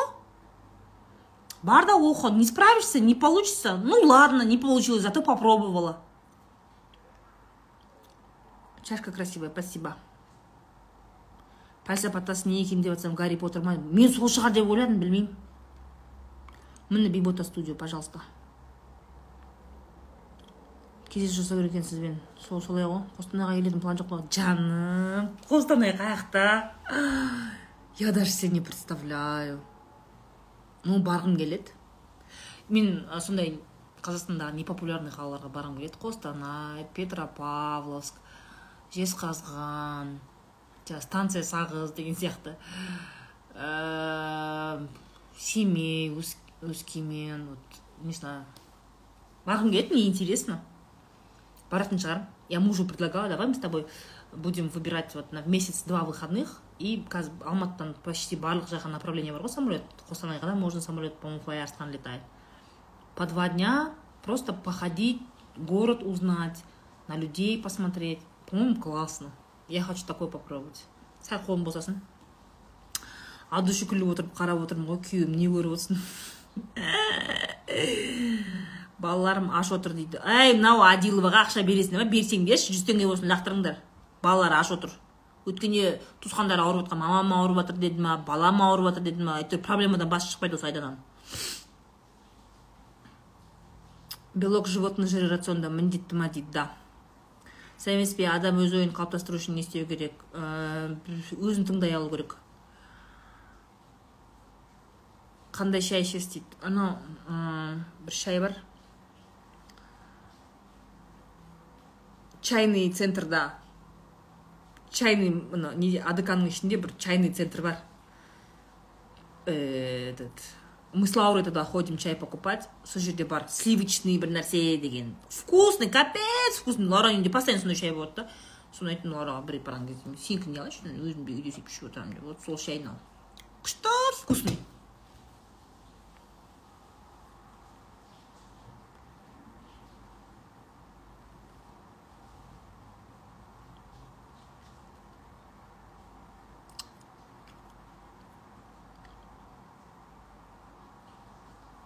күйеуім екеуміз бес жыл болып үйленгелі бірақ әлі күнге дейін бір бірімізді түсінбейміз не істеуге болады таныссайшы массаж М. массаж сезім сен күйеуіңмен таныссайшы вот представь что вы познакомились только что вы абсолютно чужие Из- сделай из этого романтику не знаю на свидание ходите а, м, сен анкета істе баяғыда мектепте анкета істейтін едік қой сүйікті ісіңіз сүйікті түсіңіз сүйікті футболистіңіз деген сүйікті киноңыз деген сияқты сөйтіп анкета жазса да соны екеуің толтырыңдар бір бірлеріңе беріңдер. Ну а че нормально же? Свиданиеға шығыңдар бір бірлеріңмен сөйлессеңдерші. Ой мен оны танымаймын танымай тиген мен оған бес жыл бұрын деп отыра бермей таныса енді бес жыл бойы не қарап отырсың? Ай қарап отырсың ба? Сөйлес кішкене. Білмеймін бірге ұнайтын киноларыңды көріңдер. Ашып бүйтіп интернетте ашып қайсы кино саған ұнайды? Мынау ұнай ма? Маған мынау ұнамайды. Давай екеумізге ұнайтын бір киноны көрейік деген сияқты. Сәл.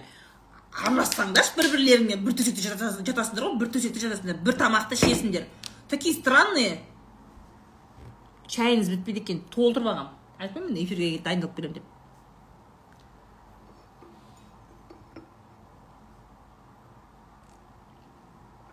Сізбен не скучно? Да я знаю я знаю.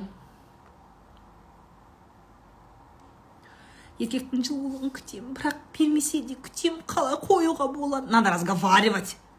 Массаж сезім надо разговаривать говорить что ты хочешь. Айттым ғой анкету заведи. Мә осы сіз ұрысып сөйлеп отырсаңыз көріп жаным кіреді ше біреулер майысып мияулап отырса ішім пысып кетеді дейді ондай эфирлерде қанша құнды дүние айтып жатса да қарай алмаймын неге олай дейді потому что ә, назира а, қазір формат подачи информации он изменился. Он изменился давно.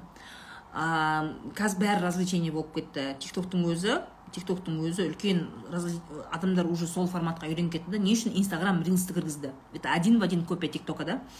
Не үшін рилсті кіргізді? Потому что все фокус человека он идет туда. Он хочет испытывать эмоции. Ол тек қана пайдалы ақпарат қарап отырғысы емес. Мысалы үшін мен мына жерде сендерге күлдіріп айтамын жылатып айтамын мен ер... то есть мен өзімнің пайдалы ақпаратымды через юмор через эмоции беремін да? Потому что он қазіргі кезде ол сондай неге келіп жатыр форматқа? Халықтың сұранысы сондай. Человек хочет не просто смотреть да? Бүйтіп деп ұйықтап қал- ұйықтап қалғысы келмейді. Ол көріп отырып қызық қылып көргісі келеді. Понимаете? А у меня так совпало что я в принципе такой человек Э, мен жай өмірде де осылай эмоционировать етіп сөйлеймін в целом у меня я считаю что у меня хорошее чувство юмора. Оно у меня с детства хорошее я вот это точно знаю. А, енді қазіргі жұмысыма ол плюс болады деп ойлаған жоқпын но оказалось что это плюс. Оказалось что это плюс и сейчас тренды идут в эту сторону. Поэтому э, надо стараться. Говорить четко ясно на эмоциях с юмором. Ну, онда жақсы эксперт боласың. Қазір тиктокта бүкіл эмоциональныйлар бірінші орында жүр ғой. Соны ойлап жүрмін. Тиктоктың прямой эфирде стримдарынан шығып мен де миллион подписчик жинап аламын ба не істеймін. Эмоциональный выгоняниеден психологтың көмегінсіз өзің шыға аласың ба? Мен как раз осы туралы курс жасадым. Ә, шығуға болады. Өзіңе мүмкіндік берсең серьезно относиться етіп сол курстағы мен берген инструктажды жасасаң шығуға болады. То есть помочь себе можно но если не поможет идется, придется идти к психологу.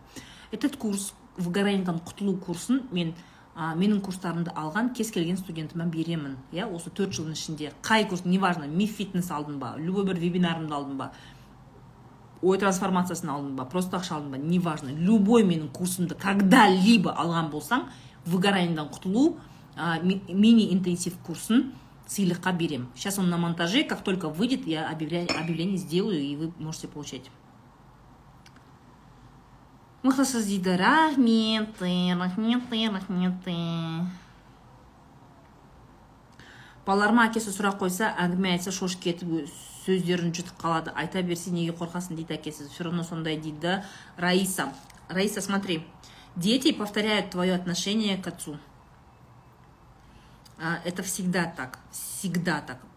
Бала әкесіне шешесінің көзімен қарайды. А, то есть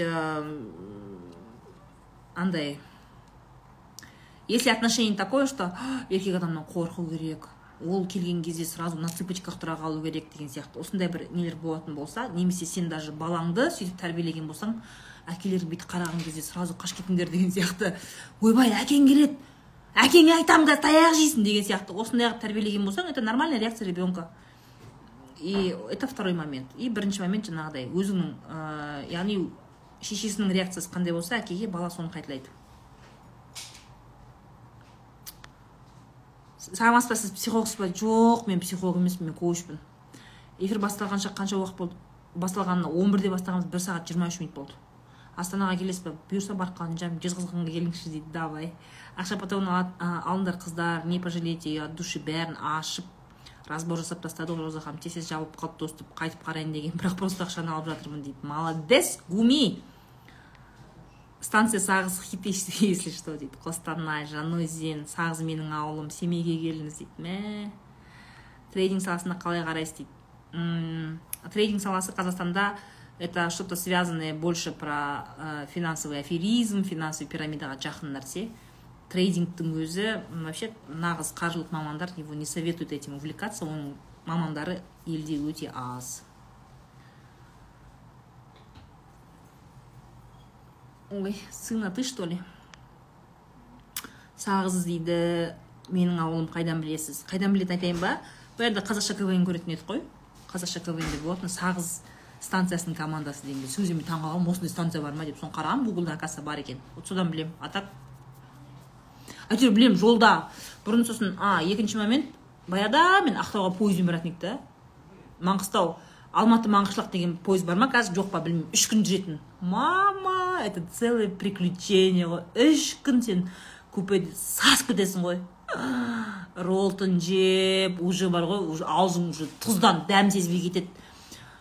Вот я помню. Мен бір рет екі мың бесте мен ақтауға барғам. Сол алматы маңғышлақ пойызымен ужас это было нечто. Ну это было прикольно. И вот а, сол кезде я помню станция сағызға тоқтаған.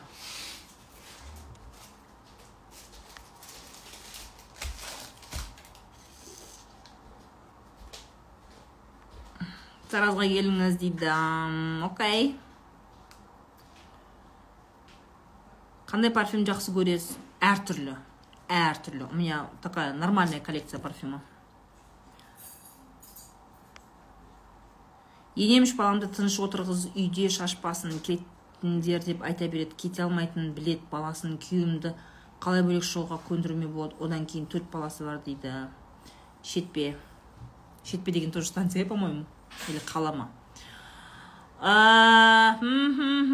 понимаешь кім? Шетпе. Леди шетпе. Сенің күйеуің шешім қабылдай алмаса бөлек шығам деп. Өзі бір бөлек шыққым келеді соған шығамын келеді бала шағамды өзім бағамын деп. Сондай өзінде сенім болмаса это очень сложно. Скорее всего вот смотри сенің енеңнің сенің балаларыңа қарым қатынас қандай? Үніңді шығарма тыныш отыр яғни подавляет детей. И скорее всего өзінің баласында яғни сенің күйеуіңді сондай подавлениемен тәрбиелеген. Иә көтіңді қысып отыр аузыңды жап жоғал сөйлеме құры бар ана бөлмеге көрсетпе құра деп сөйтіп тәрбиелеген шығар. И поэтому он такой знаешь еркін емес та он не смелый. У него не хватает смелости сказать мам я хочу жить отдельно от, этот, от вас. Өзім семьямды өзім баққым келеді деп айтуға у него просто смелости не хватает понимаешь? И он даже может даже не верит в себя.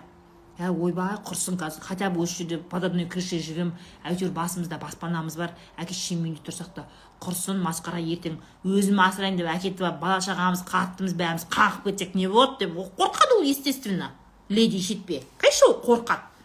Поэтому когда бөлек шығу үшін во первых бірінші условие он должен сам этого захотеть захотеть біріншіден екіншіден оған дайындық керек. Просто так жаңағыдай жынданып андай қырылысып бар ғой. Үйден ә, қырылып кетіп қалып бала шағаңды ойбайлатып сөйтіп кету это очень рискованно. Надо готовиться к этому. Яғни ә, ақша жағынан жұмыс жағынан тұратын жер жағынан ол үлкен процесс. Менде телеграм каналымда коучтың кабинеті деген телеграм каналымда бөлек шығу туралы целый инструкция бар. Вот по этой инструкции прямо отработайте. Бар инструкция ұзын бір екі ма үш па пост жазғам. Ерінбей соны оқыңдар целый диссертация. Жұмысқа кіремін энергиям азайып шығып кетемін дейді. Кірем шығам ұзаққа шыдамаймын басында істеу керекпін шыда деймін де екі аптадан соң өшем өмір солай тұрақтап еш жерде істемеппін неге? А сен шыдамсызсың потому что афиат. Сен шыдамсызсың. Тебе сразу надо все здесь сейчас сен жұмысқа кірдің ба сразу басып көтере бересің да. То есть у тебя ожидание мен реальностьтің ожидание реальность сенің басыңа дұрыс істемейді ты слишком многого от себя ожидаешь сен жұмысқа кірген кезде өшіп қаласың выгораешь быстро. В, этом твоя проблема. Мә бүкіл осыдан қалған екенмін ғой дейді. Да қалып қалдым ол тыңдағысы келмейді анасы рұқсат бермейді ондай қадамдар жасасам да отказ береді өз керегін алады да одан кейін менімен шаруасы жоқ дейді.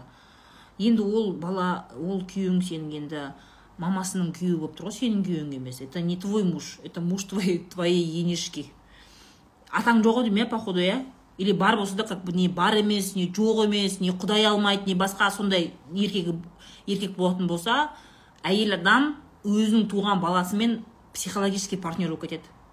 Ондай ситуациялар өте көп где мужчина слабый дома мужчина слабый әкесі не бар емес не жоқ емес сондай болады ғой немесе жоқ реально жоқ болса ә, әйелдердің көбісі жаңағыдай балаларын өздерінің балаларын керемет көреді ғой идеализировать етіп оны контроль еткен настолько контролирует что оның қандай қатын алатынын ол контрольдайды. Бәрін өзі шешеді килігіп отырады. Это вот когда мать партнерствует с мужчиной ой со своим сыном. Психологически партнерствует со своим сыном. Күйеуі пустое место бар ма жоқ па пофиг әйтеуір қарны тоқ болса болды ана кішкентай бала қыңқылдамасын деп аузына аузына жаңағы тамақ кәмпит тығып қояды ғой сосық тығып қояды сол сияқты күйеуін әйтеуір әйтеуір қарны тоқ ә, киім бар ма жоқ па неважно. Ол одан шешім сұрайтын кезде үйде ешкім одан шешім сұрамайды ә үйге қонақ келетін еді немесе ана жаққа қонаққа тойға баратын еді деген кезде шешесі баласымен обсуждает күйеуі пофиг ана бұрышта әшейін музей сияқты ана жерде диванда отырады креслода ма телевизор қарап ол бар ма жоқ па? Очень много таких мужчин. Мужчины которые пустое место бір мебель ма үйдегі бір сандық бірдеңе сияқты. Сондай болған кезде да женщина начинает что делать? Со своим сыном партнерствовать психологически это очень мешает браку. Бұл жердегі проблеманы қатын қалай шешеді? Сен шеше алмайсың оны это очень сложно. Он күйеуің ол проблеманы өзі мойындау керек. А он не может он психологически связан с мамой. И сәл бірдеңе болса мамасы қабағын түйіп қалса ему больно. Почему? Потому что ә, ол ситуация қандай болады? Иногда мынандай болады да мысалға да? Такая ситуация короче. Ә, әйел мен күйеуі например үлкендері ұл немесе екіншісі ұл неважно. И бір өмірде бір қиындық болады білмеймін андай. Ә, күйеуі жұмыссыз қалады да шешесі жұмыс істейді да оған баласы көмектеседі. А күйеуі ішіп жүреді допустим. Или там ол басқа қатынға кетеді да сосын қайтып келеді әйтеуір бар емес не жоқ емес сөйтіп жүреді да. Жаңағы анау әйел бүкіл жүкті өзінің мойнына алып алған ғой тауқыметтің бәрін мойнына алып алған бүйтіп жылайды баласына. Ә, деп баласы отырып алып оны андай не қылады жаңағыдай. Анашым жыламашы мен сені никогда енді жылатпаймын бұдан кейін мен уәде беремін дейді да сонымен болды. У них вот это вот то есть женщина как взрослый человек мать она не может справиться со своими проблемами в отношениях с мужем не істейді бүкіл больді баласына алып келеді. Баласына. Балаға ол ауыр да особенно еркек балаға ол ауыр. Ол не істейді әкесін жек көре бастайды да уже сыйламайды әйтеуір бар ма бар әйтеуір бос орын ба әйтеуір тұр ғой әйтеуір бар әйтеуір әке деген әйтеуір. Әкең бар ма десе ә, міне деп көрсетуге әйтеуір бар да. А так по факту он такой функции нету потому что отношения испортились. Мама сделала все чтобы отец в глазах сына просто был пустым местом. Вот мама все для этого сделала. Сөйтеді да болды үйдегі бүкіл вопросты баласымен шеше шешеді да? Өздері шешеді содан кейін сен каким то образом сондай жігітке күйеуге тиесің. Білмеймін қай жақтан соқыр болдың я не знаю с какого хрена ты согласился за такого парня замуж выходить? Соны и сен не істейсің ол ол үйде сен третий лишнийсің примерно сол қайнатаңның рөліне кіріп отырасың. Сол примерно екеуің диванның екі шетінде турецкий сериал көріп отырасыңдар да ана екеуі. Вась вась вась общение темада екеуің әйтеуір жүресіңдер там я не знаю. Вот какие то вот ненужные вот как у машины пятое колесо. Сенің жұмысың уақытта не? Бала туу тамақ істеу үйде жаңағы стиральный машина микроволновка плита инкубатордың рөлін ойнайсың болды. Сенің барың жоғың пофиг. Кетемін десең до свидания дейді саған. До свидания дейді саған понимаешь? Какого как так получится что сен сондай жігітті на раннем этапе білген жоқсың да сондай уже психологически өзінің шешесінің партнері болып кеткен жігітке қалай тиіп алғансың қалай тиіп алғансың ему похуй на тебя. Оған шешесінің настроениесі болса болды. Все сенің жұмысың не? Бала туу үйдің тірлігін істеу болды. Раз уж сондай бай таңдадың ба енді тұр сонымен. Все енді тұрасың. Ол кемпір өлмегенше ол бай сенікі болмайды. Өлгеннен кейін мүмкін сенің қадірін түсінер. Я не знаю.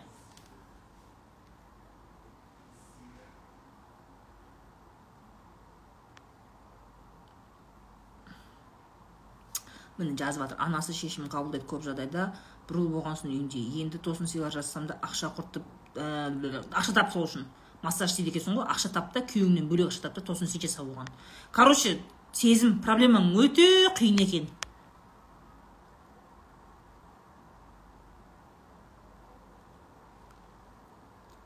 Сіздің біліміңізден соң жынды өзгердім жұмыстан шығасың десе де дұрыс қабылдап үйренді дейді. Молодец! Молодец! Сізбен жеке консультация жасап блоктарды шешу керек еді қызылордаға қашан келесіз дейді қызылордаға бар білмеймін қашан баратынымды. Сосын мен блоктарды шешіп мен терапия жасамаймын ғой. У меня я человек не по отношениям. Ребят қыздар кім жігіттер қыздар ә, мен отношенияның вопростарына килікпеймін мен больше по бизнесу по целеполаганию. Мен сондай мен, мен қаржылық коучпын. Не просто коуч қаржылық финансовый цель.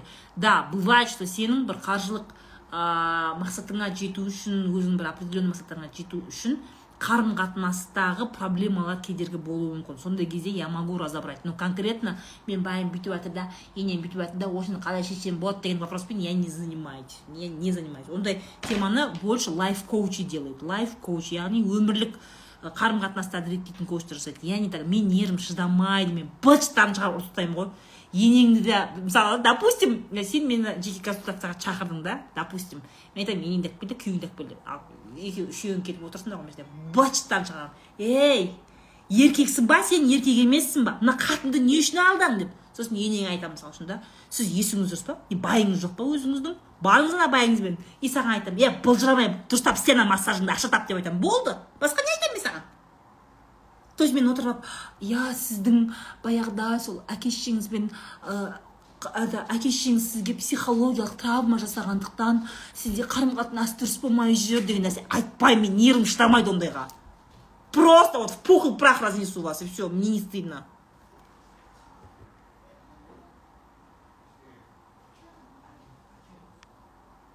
Бөлек шыққысы келетіндерге ақша потогы курсын алыңдар сонда дайын план бар дейді. Вот да это да. Көңілді қыз екенсің бар еді сондай. Жб курсы есіме түсіп жатыр дейді.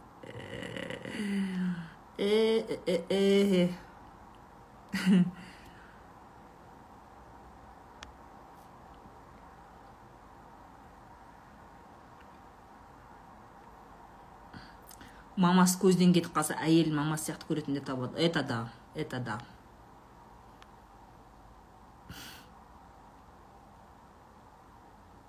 Күйеуіңіз эфирлеріңізді көре ма дейді? Көрмейді ол тыңдайды.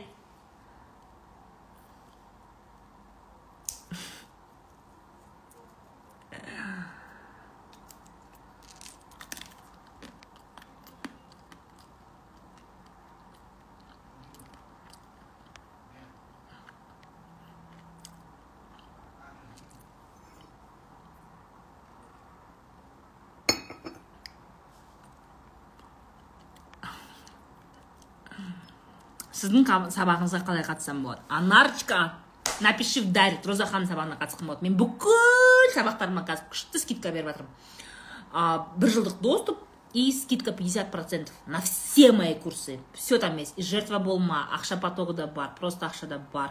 Ми фитнес бар ой трансформациясы бар. Просто берем и кайфуем. Еще менің бонусный екі курсымды да соған қосамын бұйырса поэтому берите пиши в директ пожалуйста.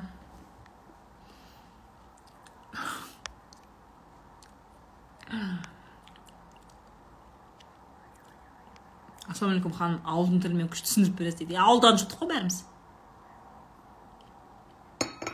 Өлә психсыз ғой дейді. Да. Тура сіз сияқты ойлаймын мен де нервім шыдамайды тоже өзіме келгенде олай айта алмаймын дейді. Күйеуіміз екеуміз көреміз сізді дейді. Ақша поток курс қашан болады қатысайын деп едім. Пока все в пакете продается отдельно сатылып жатқан жоқ енді курстар сатылмай ма дейді сатылады сатылады но мынандай выгодный бағада сатылмайды и выгодный доступта сатылмайды білесіңдер бізде доступ максимум үш ай ал пакетпен алсаң бір жыл папаңыз көре ма дейді наверное көреді мамам да көреді бәрі көреді бүкіл ауыл көреді екен ғой бәрі көреді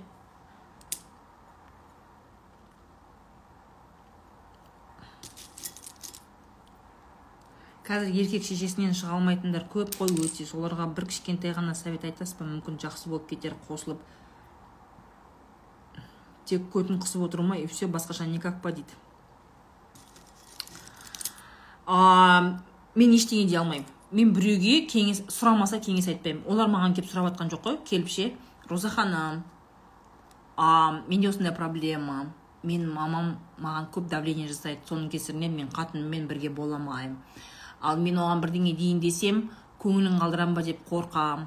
Өйткені мен папам оның кезінде көп көңілін қалдырған. Мен сол үшін өзімде чувство вины бар осы мәселені жөндейтін жөндеу үшін не істесем болады деп келіп сұраса менен мен айтам. Атақ өзімен өзім отырып ей бүйтіңдер мақма деп айтпайсың ғой кімге барып ақыл айтасың? Вот ты спрашиваешь конкретно да? Сен менен өзіңнің проблемаңа қатысты сұрасаң мен саған жайып айтуым да мүмкін бақырып та айтуым мүмкін. Факт то что мен саған жауап беремін. Е олардан запрос жоқ қой. Сосын ондай еркектер көп емес ондай еркектер бар но көп емес. Но если в твоей жизни именно сондай ынжық еркектер кездесетін болса это проблема в тебе это ты выбираешь себе таких мужчин. Потому что не все мужчины такие и олар көп емес.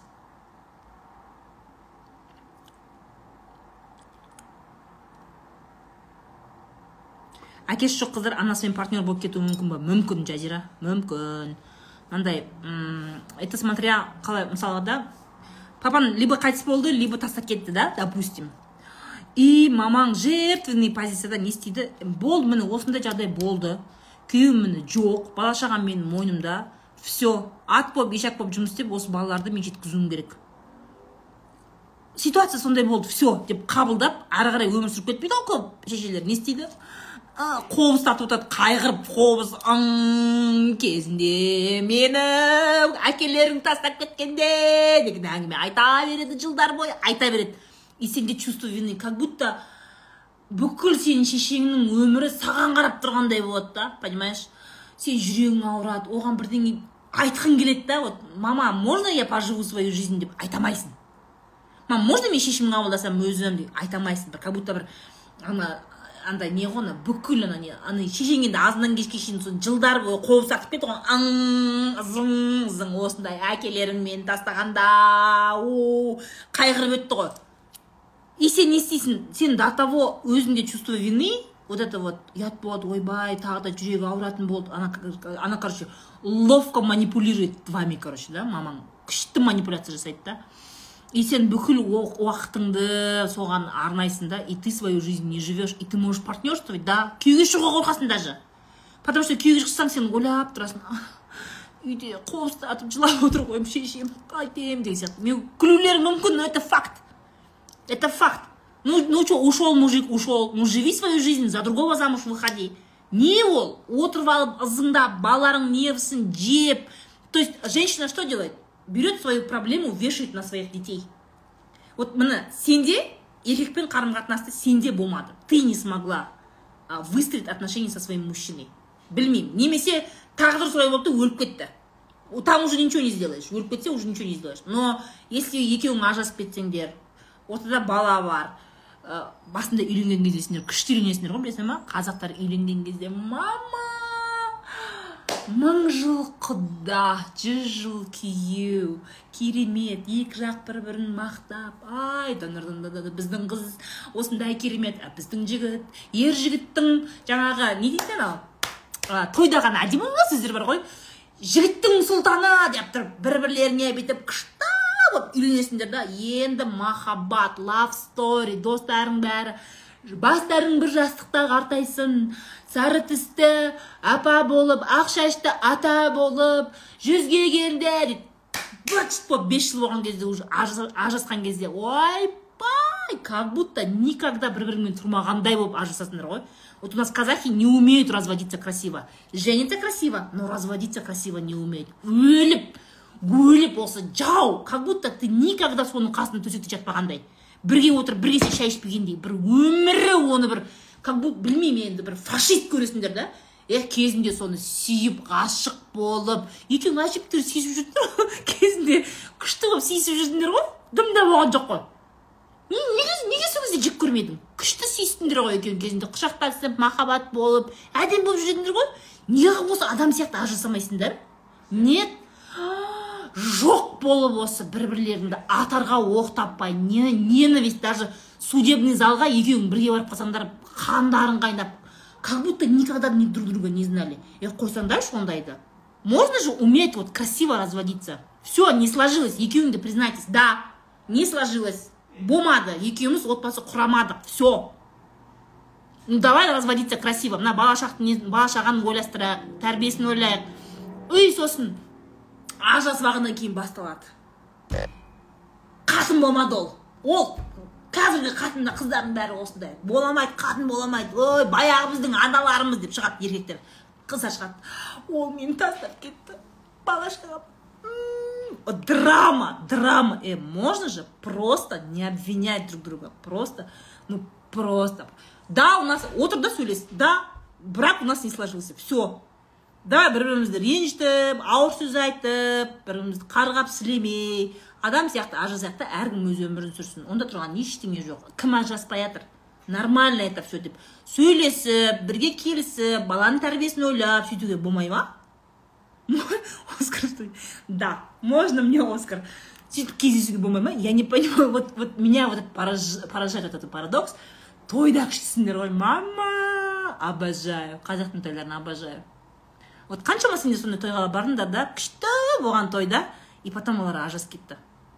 қаншама сондай той көрдіңдер дофига өліп үйленесіңдер үйленген кезде надо уметь красиво разводиться принять тот факт что вы проиграли вы проиграли эту игру вы не смогли его доиграть и все онда тұрған ештеңе жоқ иногда можно проигрывать иногда можно ошибаться в этом нет ничего страшного просто на взрослой позиции нормально расстаться ребенка нормально воспитывать қаржылық бір көмектесу не деген сияқты бір бірімен атыспай отырасыңдар сосын қобыз тартып екеуің анау жүреді ішіп достарымен мынау жүреді мына жақта жылап подружкаларымен ол мені тастап кетті. Сосын отырады да бүкіл сол қарым қатынастағы вот әйел да қолында бала шаға енді әйелде қалады ғой. Қарым қатынастағы бүкіл болын бүкіл страданиясын не істейді ана өз жаңағы бала шағасына іле береді ғой. Ұлға да қызға да құлағына іле береді ызыңдай береді қобыз тартып ше.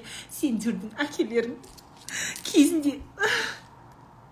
Сөйтті ғой әжең де сөйтті мені сыйдырмады вот вот пожалуйста. Не не ұтасың одан екі балаң травмированный вот. Екеуі де сосын дұрыстап қарым қатынас құрамайды. Все они будут все время думать что все моя мать страдала я должен помочь дейді да өз өмірлерін шетке қойып қояды да сол сенің қобызыңды бірге тартып жүреді сол. Кто от этого выиграет? Сериал не болды білмеймін сериалдағылар хабарласқан жоқ әлі.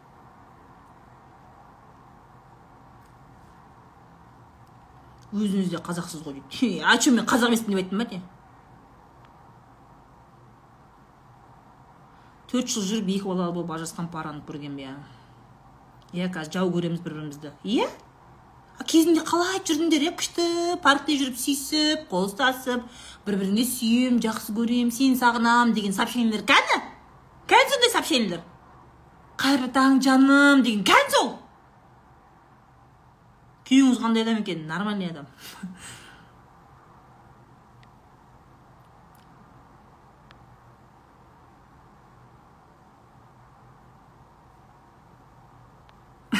театрға нөл беспен жұмысқа тұруға болады сөйтейін ба? Театрға жұмысқа тұрайын ба. Мама мне кажется я буду идеальной актрисой. Айқайламай дейін все видео көргенмен кетеді мама сол айтады всегда дейді о пожалуйста.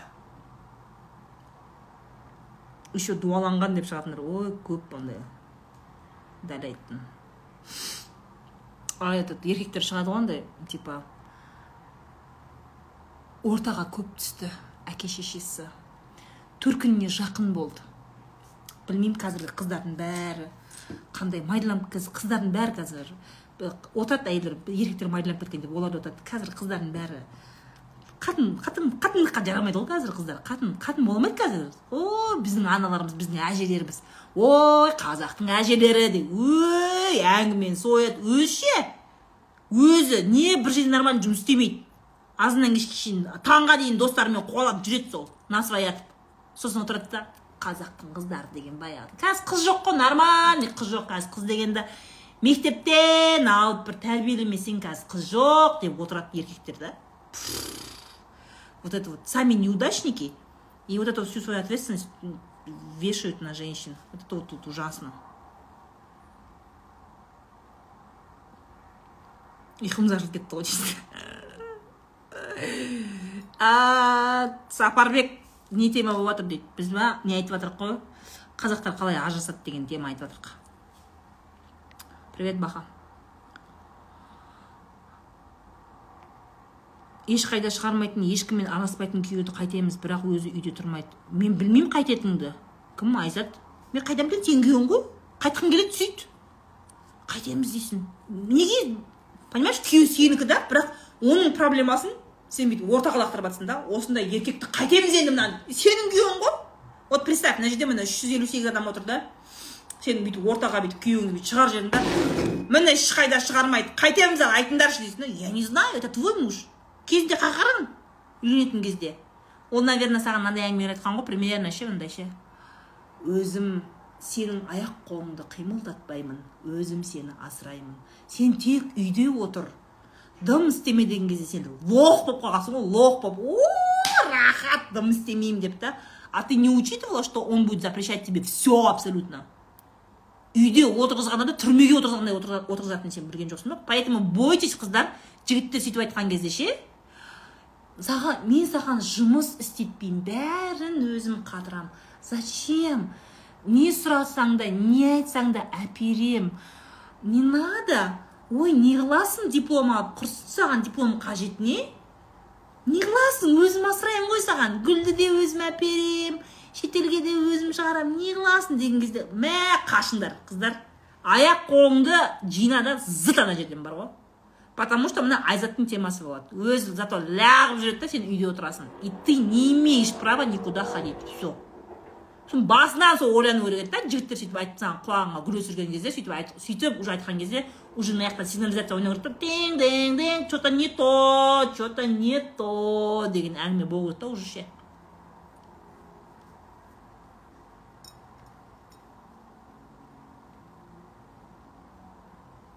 жай кіре салғам шыға алмай қалдым. Шықпаңдар шықпаңдар. Ажырасу үлкен тақырып нюанстар өте көп қой дейді. Да да да да. Өте көп. Я очень с вами согласна сапарбеков.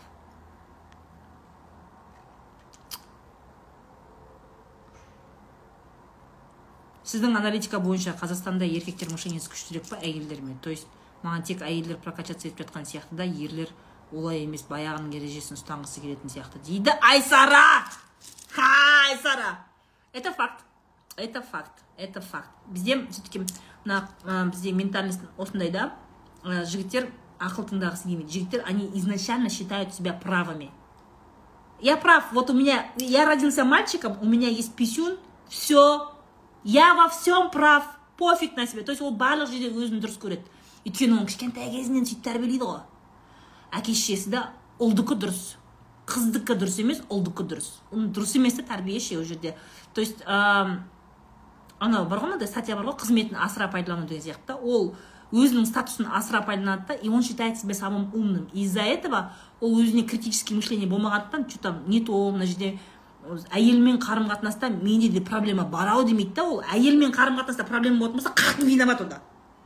Только қатын виноват. А қатын ойлайды да күйеуімен проблема болатын болса это я такая сука. Менің кесірімнен сол. Мен женственный болмағандықтан күйеуім басқа жаққа қарайды. Это я виноват женщина все берет на себя. Сөйтеді ол не істейді. Неге осындай екен дейді да ол білім іздейді. А еркектер нет. Они думают ол проблема қатыннан. Ол шешесі виноват. Вот ортаға түсті. Вот қатыннан проблеманың бәрі. А менікі бәрі дұрыс мен бәрін дұрыс мен еркекпін ғой мен жүрсем де правпын мен қатынмен жүрсем де мен правпын барлық жерде мен правпын кәдімгідей дұрыс емес дейді. Все и вот это вот понимание того что он везде прав ол білім алуға и біреуден ақыл тыңдамайды да ол ше біреуден ақыл тыңдаса сразу е братан брат қоя салшы сен сен қоя салшы сенде білім жоқ қой сен не абай ма едің не иә сен шәкәрім бе едің не мен не үшін сені тыңдауым керек? дейді да болды.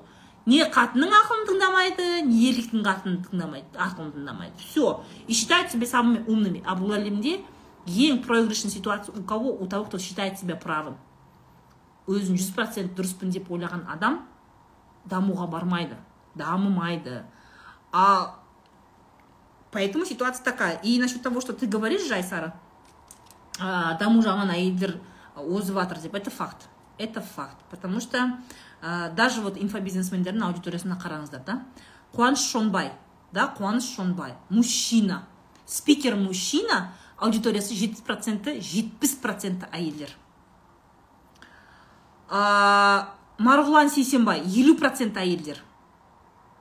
Бізде жүз процент әйелдер. Ну тоқсан сегіз деп айтайықшы потому что менде ер кісілер алады менің курсымды.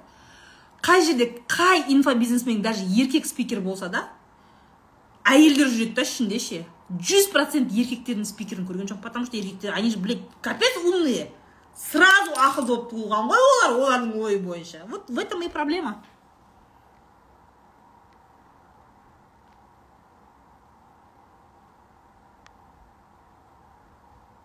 Мына жерде жазыпты да айзат ше. Мә қазір қатынды кінәлайтын заман білімді білімді көбіне қатындар іздейді проблемасын шешеміз деп ойлаймыз дейді. Қатынды кінәлайтын заман шығар мүмкін да но все зависит от тебя. Сен еще сол еркегіңмен қосылып алып өзіңді өзің сен кінәлайтын болсаң онда проблема в тебе понимаешь? Проблема в тебе.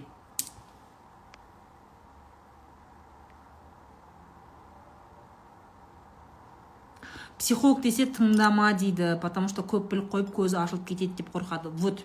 Все-таки мужчины же знают да внутри вот подсознательно ощущают что они в чем-то неправы и где то білімі жетпейтінін біледі да.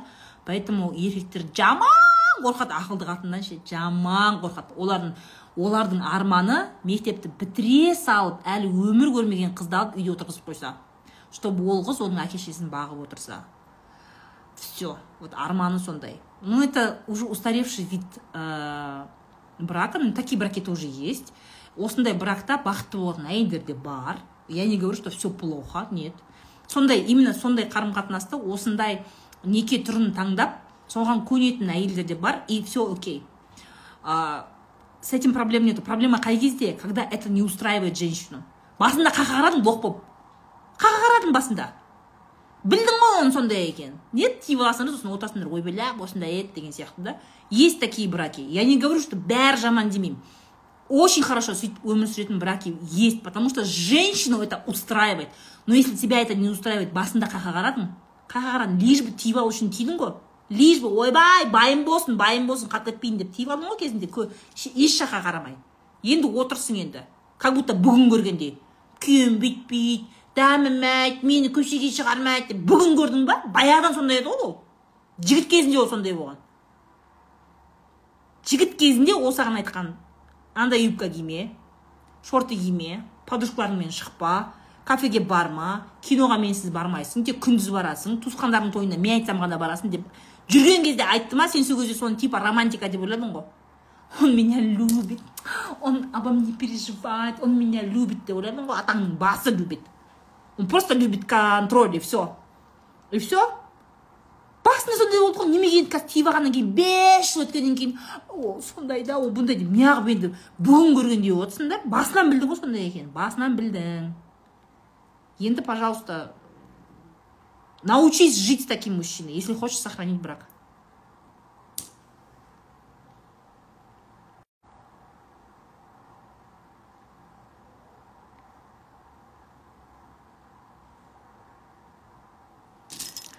қалай ойлайсыз дейді? Осы темппен кетсек қазақстанда тек әйелдер ғана алып жүре ма? Ерлер ше деймін да. Кім? Айсара бұл темппен кетсек ә, ничего плохого в этом не будет.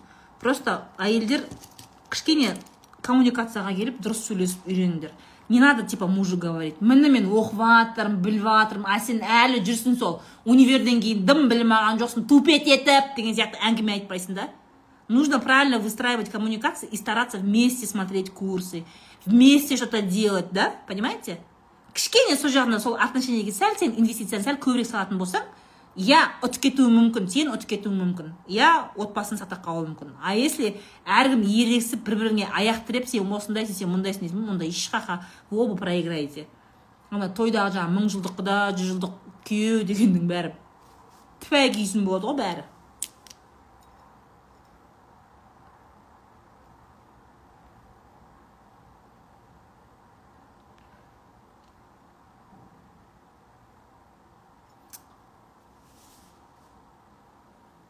жігіттің қасында ақылды болудан қорқатын болды ғой шынымен қорқады одан жігіт дейді. Но девчонки очень много образованных интеллектуально образованных парней очень много негізі көп. Сосын жігіттердің алдында ойларыңды айтуға дұрыс айтуға ә, қорықпау керек айту керек. Олар да түсіну керек та жігіт кезінде балапан кезінде күшік кезінде олар да түсіну керек е білім алу керек екен. Ол қатайып уже еркек болып кеткен кезде білім ал деп айтсаң ол өтпейді да. Жүріп жүрген кезде айту керек та ондай нәрсені ше. Жүріп жүрген кезде ойларыңды айтуға қорықпаңдар. Как она есть айтыңдар. Білім алу қазіргі кезде саморазвитие самовоспитание это очень важно для качественной жизни. Я за долбоеба замуж не выйду деген сияқты. Нормально айтыңдар. Отбасыда еркек адам көзі ашық болу керек потому что отбасыда еркек адамды қоғамда орны бөлек еркек адам егер көзі ашық образованный болмаса онда это проблема. Ол ертең дамуы да қиын отбасында бағамайды деген сияқты. Нормально әңгіме айтыңдар сондай нәрсені. А не так чтобы өздерің бір психологты оқып алып вы ребята вы все тупые! емес. Нормально жеткізе білу керек та.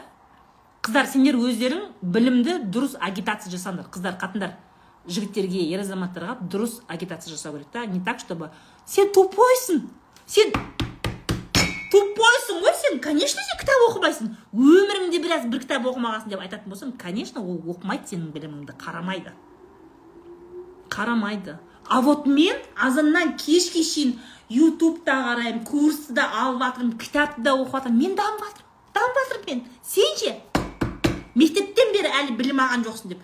Конечно сен сөйтіп айтатын болсаң ол сенімен сөйлеспейді то есть вот этот разговор про то чтобы ну вот эта вот агитация білімнің агитациясы ол дұрыс болу керек да дұрыс то есть не вот это вот типа унижение немесе претензия түрінде емес а вот реклама түрінде реклама түрінде маркетинг оқыңдар ол да сауда ғой?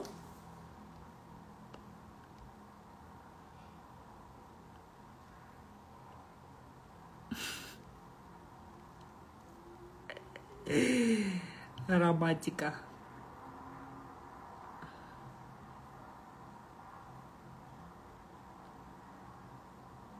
Мен бір танысым сондай бірақ олар бақты. И вот я же говорю я не говорю что все плохие. Проблема в жерде когда вас это не устраивает.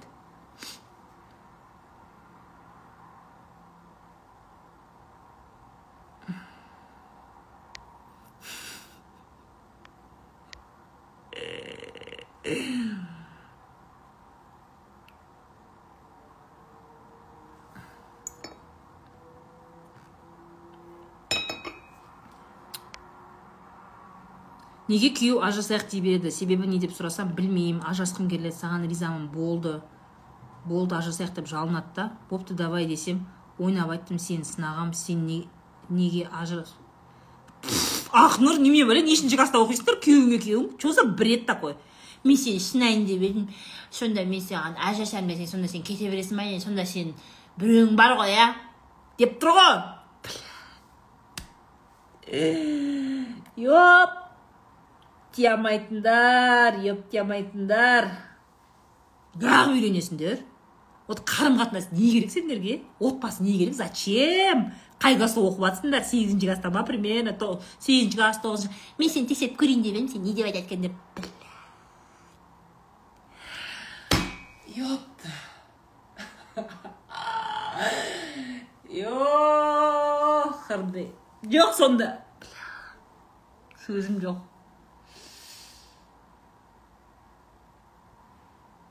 Қаяқтан тауып аласыңдар сондай адамдарды сондай жігіттерді қаяқтан тауып аласыңдар қаяқтан күндіз фонарикпен іздеп таппайсың ондай жігітті қаяқтан тауып аласыңдар ёпта.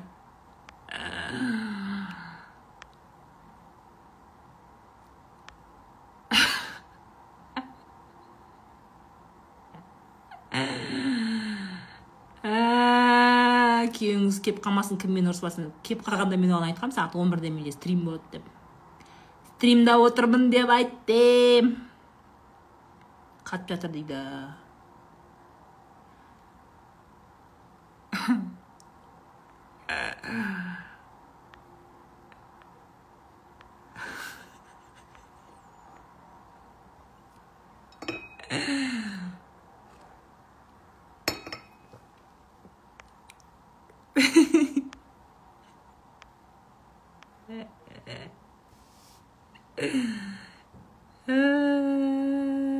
адам әртүрлі жаралады кім әсел қумашы адам әртүрлі жаралады күлуге болмайды қуасың ба? Это ол мәселе жаратылысқа байланысты емес қой. Адамның ондай мышлениесі конкретно ересек адамның мышлениесі ол жаратылысқа байланысты емес. Сенің мышлениең сенің қолыңда ғой.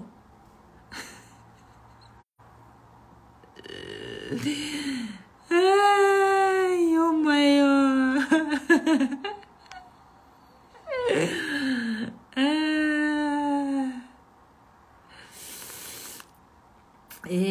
ептей алмайтындар ай мен түсінбеймін сендерге. Не үшін керек білмеймін енді. Не үшін үйленесіңдер? Мен түсінбеймін. Не үшін чтобы что? Әкесі баланы басып ұрысып жатса араласпау керек дейді. Бірақ маған ауыр тиеді самбековна это как? Вообще баланы не үшін ұрысасыңдар мен түсінбеймін соны. Почему ұрсу және ұру бала тәрбиесінде это норма для вас? Это не норма. Это не норма. Вы понимаете, что ОРСУ – это психологическое давление, ОРУ – это физиологическое давление. Это насилие. Надо разговаривать с детьми. сонда сен ұрып не түсіндірмекшісің оны ұрсып не түсіндірмекшісің не түсіндіресің бірдеңе түсіне ма ол қорқады болды басқа ештеңе түсінбейді все вообще и это неправильно сен күйеуіңмен сөйлессейші баланың көзінше емес баланың көзінше күйеуіңе барып е айтпа өйтіп балаға десең конфликт ушығады. Бала жоқ кезде сөйлес олай сөйлеспейік балалар ертең бүгін бала ертең есейген кезде ол қиын болады дұрыстап түсіндіріп айтайық неге болады неге болмайды. Ол тәрбие ұру ұрсу емес қой. Надо по другому учиться воспитывать детей. Қазіргі балалар қазір біз сияқты емес. Бізді баяғыда ұратын болса көніп жылап жүре бересің ғой. Қазіргі балалар ондай емес. Қазіргі балалар өте андай не сейчас вот, вот эти вот зумеры, да, как их называют, вот эти вот новое поколение, оно другое совсем. оларда еркіндік көп басында. Оларда өмірде еркіндік көп. Ортасы басқа олардың. Қазір көнетін шығар ертең физиологиялық тұрғыда мықты болатын болса аямат деме быт шығарып балаң бір күні теуіп кетсе вот сол кезде кірерге тесік таппайсың. Қазіргі балалармен дұрыстап сөйлесу керек дұрыс тәрбие болу керек. Баяғыдай ұрып төбелеп тәрбиелеу деген жоқ уже все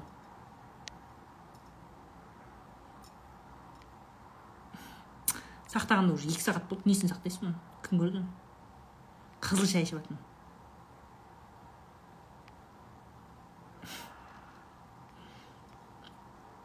сіз жүз грамм ішіп отырған сияқтысыз стаканмен көп күліп ұрысып кеттіңіз дейді а солай сияқты мақұл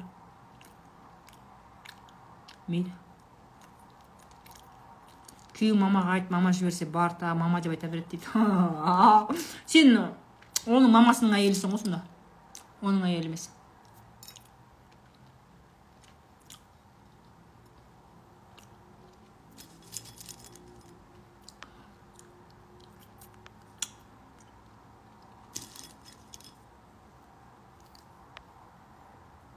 махаббатқа уланып қалғаннан тиесің ғой дейді.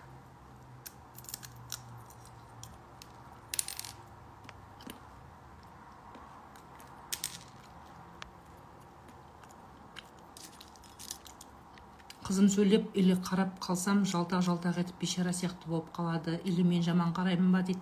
Білмеймін әйгерім сөйлесіп көрсей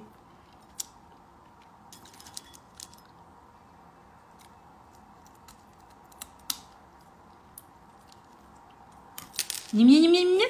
Күйеуім сам признался что у него была любовница. Еще русская. Я была в шоке. У нас двое детей.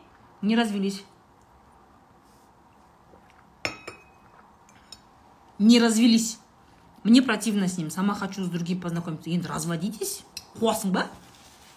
Енді жүріңдер сол. Ажырасудан қорқып бір бірінің көздеріңе шөп салып бір біріңе противно болып зачем? Если любви не осталось зачем бір біріңді қинап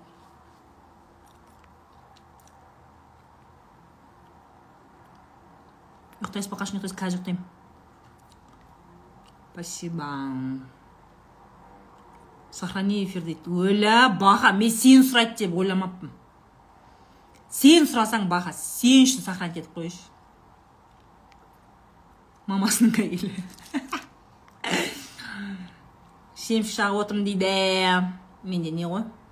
Фыстық. Без комплексов дейді.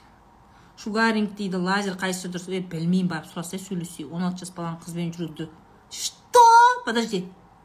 Он алты жас баланың қызбен жүру дұрыс па? Өзі намаз оқып жүрсе дейді. Шолпан а, надо разговаривать обсудить вопросы полового воспитания. Намаз оқып жүрсе иман тұрғысынан тоже сөйлесу керек. Әкесі немесе бір ұстазға ма имамға ма айтыңыздар. Сосын помимо этого нужно объяснить вопросы предохранения.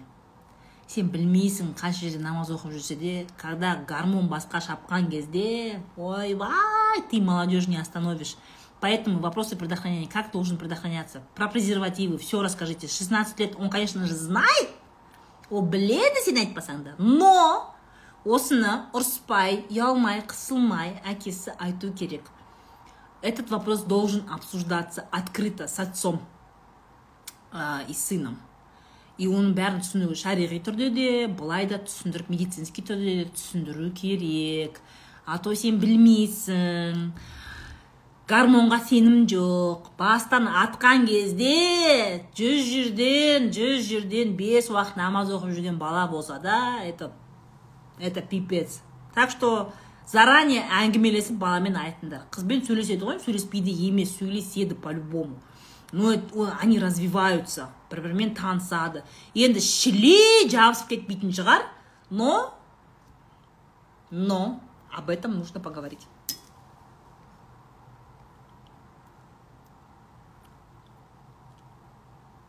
Сіз өзі күйеуге шыққансыз ба дейді. Иә. Прикинь күйеуім бар мен. Ойла деші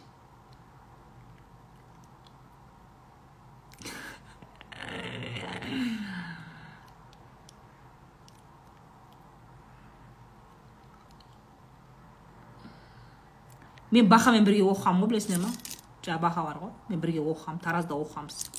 Ақкөлдің қызы баха. Бірге оқығанда на разных факультетах учились она по моему на экономике училась. Да.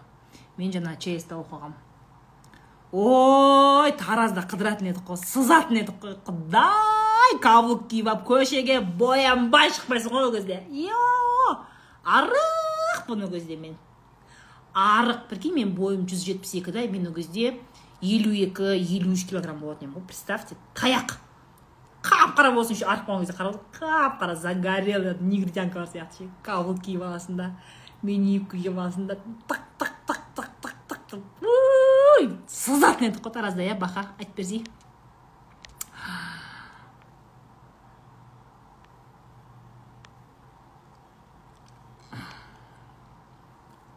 қызым дым үй жинағысы келмейді қинамаймын бірақ жинаса екен деймін дейді майра. Сен айтпауың мүмкін бірақ сен іштей сайрап тұрсың ғой ана қызың. Сәл бүйтіп мына бір бір ыдысты бүйтіп орнына қоймаса бүйтіп ішіңнен. Жинап кетсе болады ғой дейсің да.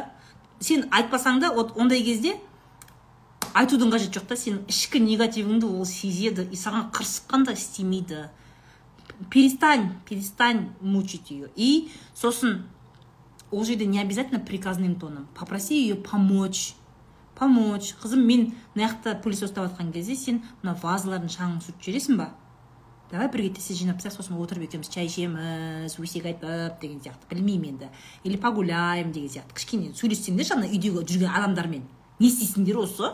Не баймен сөйлеспейсіңдер не баламен сөйлеспейсіңдер. Кішкене коммуникация құрсаңдаршы гму.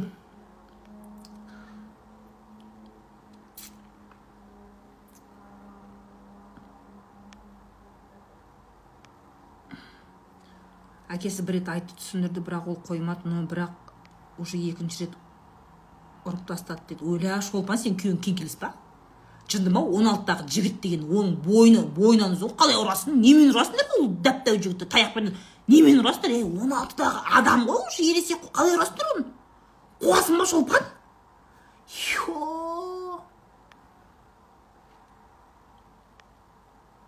Баха деген ер адам ба десем дейді. Модель болыпсыз ғой иә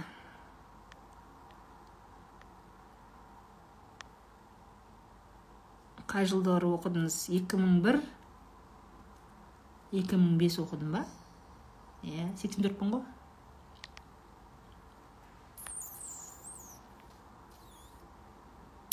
Осындайлардың арқасында көп жас отбасылар ажырасып жатыр ғой дейсіз. Кім мен кім кімді айтып менің менің кеңестерімді айтып жатрсың ба?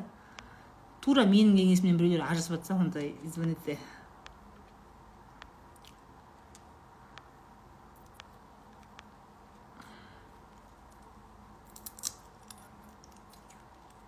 он алтыдағы жігіт. Соны айтамын ғой он алтыдағы жігітті қалай ұрасыңдар мен түсінбеймін. Маған күйеуім бір история айтып берді да оның бір таныс досы бар да. Өзімен жасты сол сексен төрт қой короче и айтады да мектеп кезінде мектеп кезінде ыыы мынандай ситуация болды дейді да біз балалармен ойнап жүрміз. Сол тоғызыншы класс па оныншы класс па сондай бірдеңе. Короче көшеде қаңғырып қаңғырып соны бір бірлерінің үйіне барып жаңағыдай нан мен май жеп аш қой енді. Өмірі аш әйтеуір. Көшеде қаңғып қаңғып кетті. Да сосын жаңағы досының үйіне барған. Досының үйіне барғанда сөйтіп сондай бірдеңе кухнясына кіріп сондай бірдеңе жеген ба соны бір кезде әкесі келеді да сен қаңғыбас бала анау мынау деп сөйтеді да енді дәп дәу ғой оныншы класс дегенің уже извините тоже он бес он алты жас қой сен қаңғыбас бала қашан адам боласың анау мынау деп достарының көзінше өздері үш төрт жігіт болып барған ғой. Достарының көзінше әкесі әкесі. Ременді алып баласын сабайды ғой. Баласын сабайды. Вот сейчас этому мужчине тоже бізбен жасты ғой отыз сегізде я вам скажу он алкоголик. Он алкоголик. Инвалид.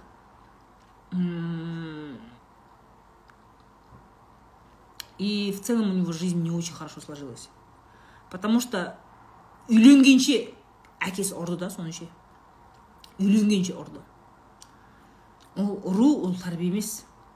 Вообще тәрбие емес. И сен ұрған сайын сен наоборот ол баланы сол нәрсеге баруға итермелеп жатрсың саған ерегіскенде ол барады да.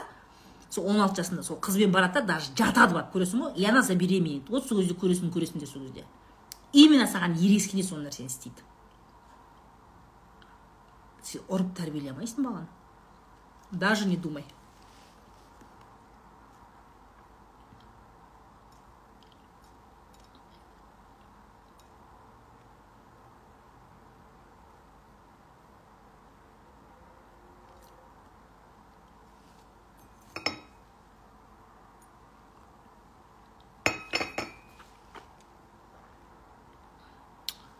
Курс сатып лапша іліп халықты алдап жүрген арамзалар дейді. Мәссаған қойшы шынымен ба?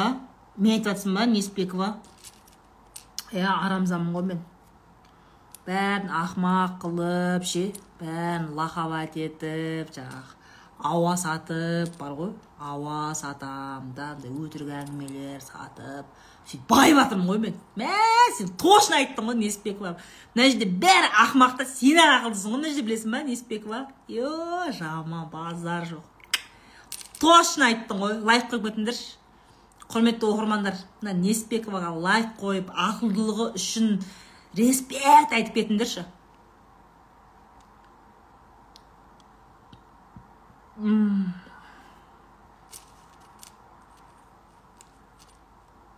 просто ақша курсына қатысып миымда жарылыс болып жатыр ғой дейді. Мен қыз бала болсам да әкем тұратын 11 сыныпқа дейін алқаш болып қанды ішкен еді. Анам әбден шаршаған. Мен дейді мнениемді өзгертіп өз өзіммен жұмыс істедім. Солай әкем әкем де анам да өзгерді дейді. О молодец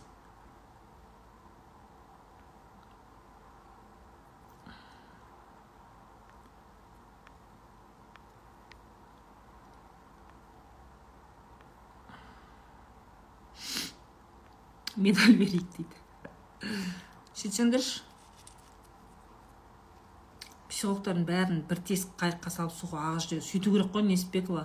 Точно айтып жатрсың күшті шешім айттың ғой. Давай су іздесей қайсыған каспийге ма қай барамыз? Аралда су жоқ. Каспийге жинаймыз жинасаңдаршы бәрін бір жерге. Өтірік бізді андай ақтауға жинаңдар. Типа психологтар коучтар жүріңдер ақтау рексосқа деп сөйтіп өтірік жинаңдар да бәрін ақша жинаңдар.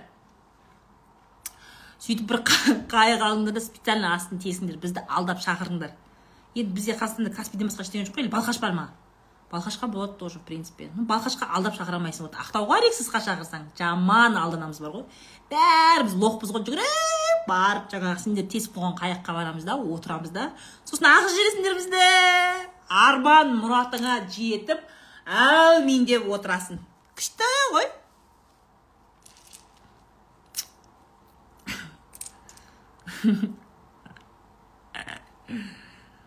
Тағы идея айтсай. Менің күйеуім сол жағдай мамасы ұрған қас көзінше қазір алкоголик дейді. Да это вот так. Поэтому балаларыңды ұрмаңдар. Ты че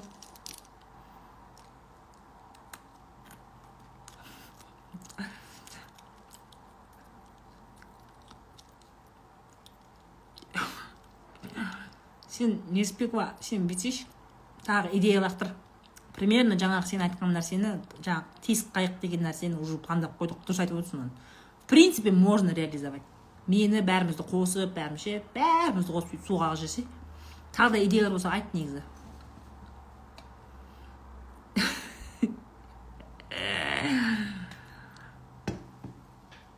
Күйеуім өте қалай сөзге тартуға болады сөйлесуге танысуға дейді. Оля ұялатын шығар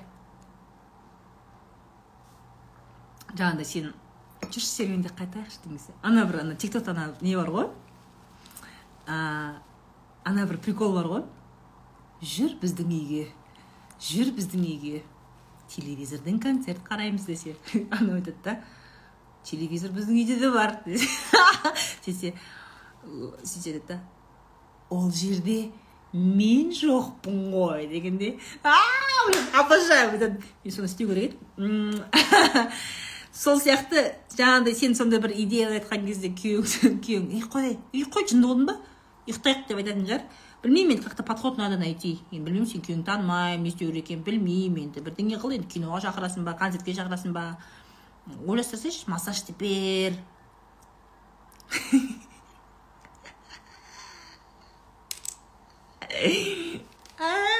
білесіңдер ма сол тик токтағы сол нені? Ә, сол ана голосовойды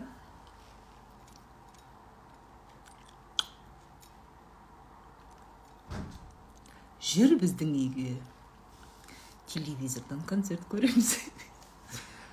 А жоқ рахмет. Телевизор біздің үйде де бар десе. Бірақ ол жақта мен жоқпын ғой дегендей. Так не дейді?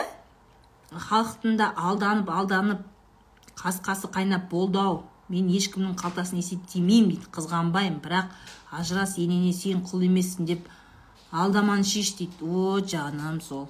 Сол екен ғой сенің ойлап жатқаның халықты ойлап жатсың ғой мен де мен де халықты ойлап жатырмын мен де ажырасыңдар деп айтпаймын. Бірақ шыдай алмасаң бір біріңді қинағанша әркім енді өз шешімін қабылдайды ғой. Ешкім ешкімнің ажырасуына себепші емес каждый принимает решение сам. Поэтому я тебя понимаю я тебя понимаю.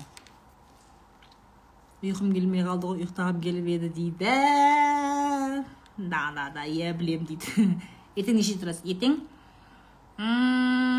тоғызда ма тұратын шығармын мен білесің ба неғып бодрый болып отырғанмын бағана жұмыстан келдім да мен жарты сағат ұйықтап алдым. Ха өйткені білдім ғой сағат он бірде стрим екенін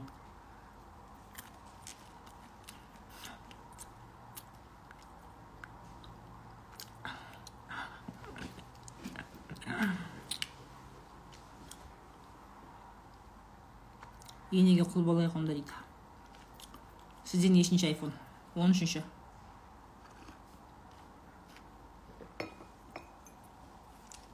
иә иә тақиялы періштеден да тақиялы періште киносынан эпизод. Ана баласы тоже мамасының баласы ғой негізі ше? Аты кім еді? Тайлақбек мамасының баласы ғой чисто мамасының баласы ғой мә байғұс сотка бетке құлап жатыр дейді. Е бопты. Жатыңдар. Жатыңдар қатындар. Мен а мен бір өлең бар еді да. Бағана бір, өткенде бір өлең тыңдап қалдым да тоже тик токтан сөйтіп ашып текстін қараған кезде вот это вот. Невротический махаббат туралы өлең екен да. Айбей деген соны мен прямой эфирда қосып кішкене біраз сендермен айбей деймін ба деп ұмытып кеттім. Ұйқым келмейді содан соң ұйықтап кетемін. Жатқым келмейді содан кейін жатқым келеді. Неге жауапкершілік алу қиын? Потому что жауапкершілік алған кезде шешім қабылдау керек та. Шешім қабылдаған кезде оның нәтижесіне сен жауап беру керексің. Сол жауап беру жағында қорқасыңдар. Деген әншіні тыңдайсыз ба иә ұнайды маған ей бері қара бұл қап қара шымкент тема ғой тема ғой жаман ойлар мазалайды мені тема әнші ғой маған ұнайды жаңағы өлеңді разбор разбор жасайын подожди айта салайыншы айтып қойдым ғой қазір тоқта өлесіңдер ананың сөзінде бар ғой тек басында ғана қазір көрейінші менің планшетім маған скачала или нет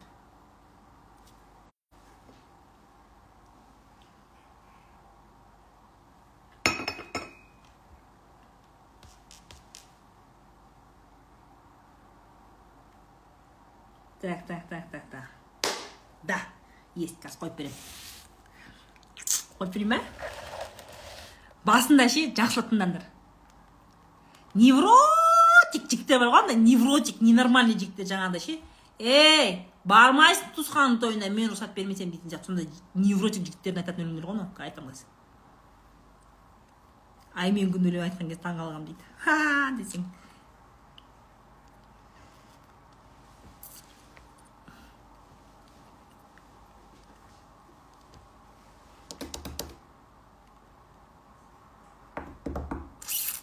Кеттік па?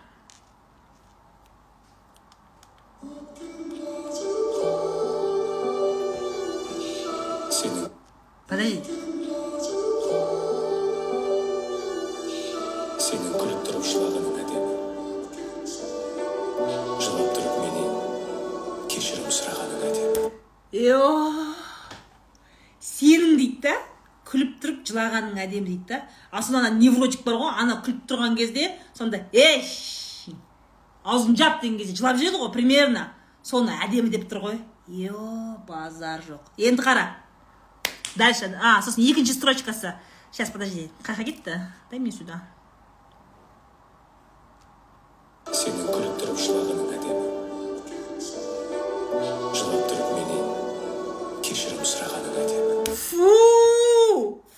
жылап тұрып менен кешірім сұрағаның әдемі дейді. Он больной это садист это садист. Сонда сен жылап одан кешірім. Ей ты чё, на, тебе что свет клином сошелся что ли? Не үшін қыз бала жылап тұрып одан кешірім сұрайды за что? Садист қой мынау таза. Осыны өлең қылып шығарған ғой қыздар. Өліп соны тыңдайсыңдар. Дальше кеттік. Сен мені сүйесің сен мені сүйесің бе деп мазамды алғаның әдемі дейді да. Анау примерно ана зависимый қыз ғой анау ше сүйесің ба мені? Точно сүйесің точно мен жақсы жақсы көремін деп айтшы маған. Деп жылайтын да анау ана бөпе сияқты қыздар примерно сондай ғой. А ол жаңағыдай. Типа ей шықпайсың айттым ғой саған подружкаңмен бармайсың деп. Түсте болса да бармайсың деген сияқты примерно сондай ғой дальше кеттік. Сенің менімен жабысқақ. Қимай қимай жабысқақ қой примерно кеттік.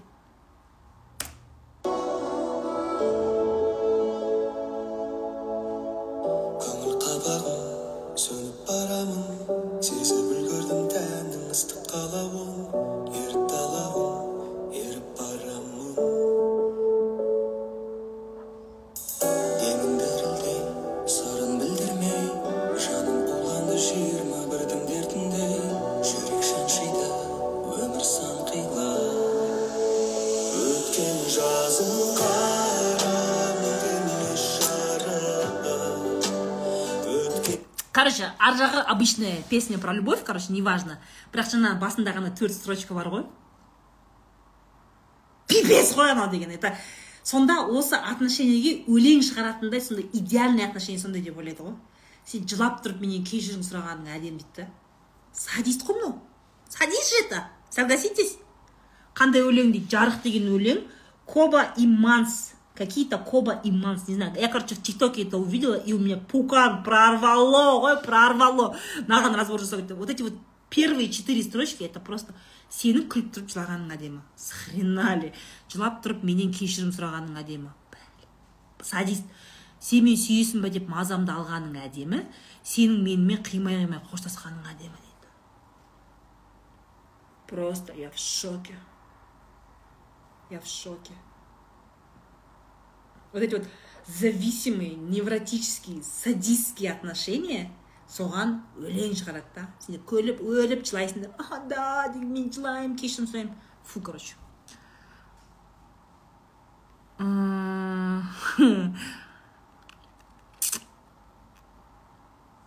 Ойла мен мына өлеңді өліп садат етіп жылап жүрмін ғой дейді фу.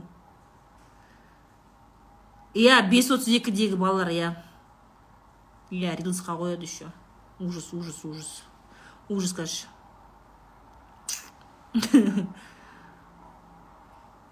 Жабысқақ да да да да да да да да.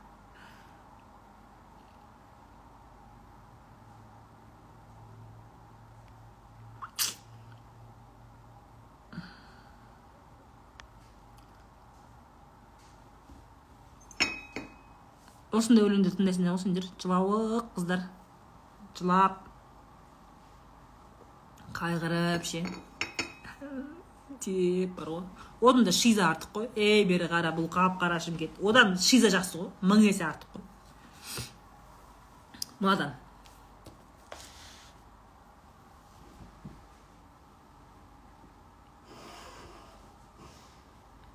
Өлеңдерге разбор мен ондай страдальческий өлеңдер негізі тыңдамаймын мынау енді случайно я его сохранила чтобы вам его прямо Э, а еще вот эта песня вообще вы знаете песня а, кімдікі мархаба сабиттің өлеңі бар ғой марсқа это как вы думаете эта песня веселая хорошая песня или плохая как вы думаете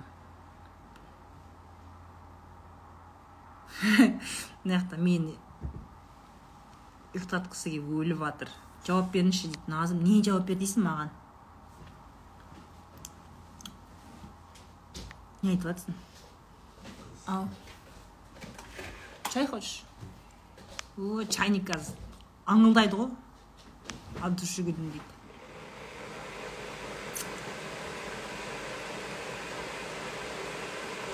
марсқа ма чайник қоямын чайник марсқа она мотивирующая ты знаешь как я ее люблю слушать а, мен марсқа деген өлеңді а, өзіме арнап тыңдағанды жақсы көремін. То есть когда я себе говорю. Не кому-то ты говоришь да например а, тексті қайда ой бұл бар текстін салмаған ба? айтюнсқа текстін салмапты. Марсқа деген өлеңді теперь послушайте сами да вот. в наушниках бірақ сол сөздерді өзіме айтып жатырмын деп тыңдашы мурашки по коже будут ужасно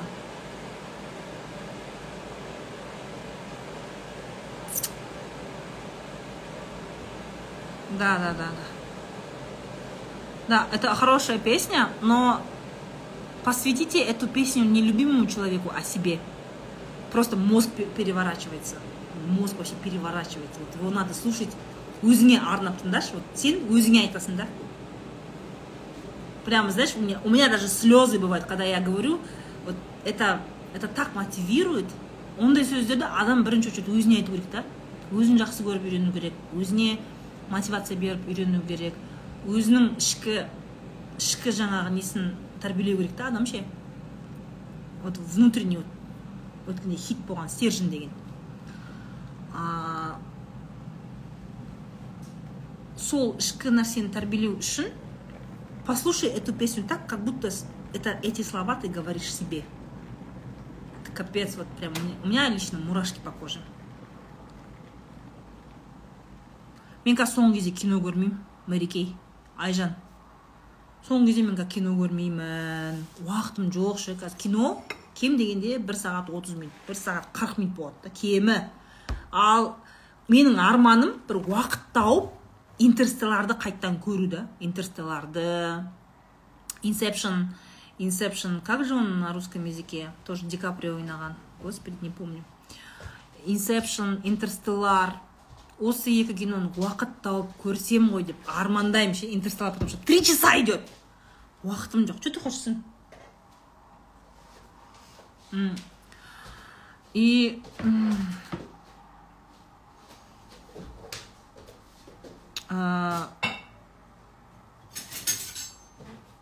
я люблю качественное кино смотреть. Мен шыдамым жетеді если киноға барып көрсем. А так үйде ойым бөлініп кете береді. Очень сложно держать концентрацию. Қара кесектің көбелек дегенді естісеңіз вообще в шоке боласыз дейді а да мен ондай әнші білмейді екенмін. Реально вот марсты марсқа өлеңді с- өзіңе арнау керексің. Вот смотри.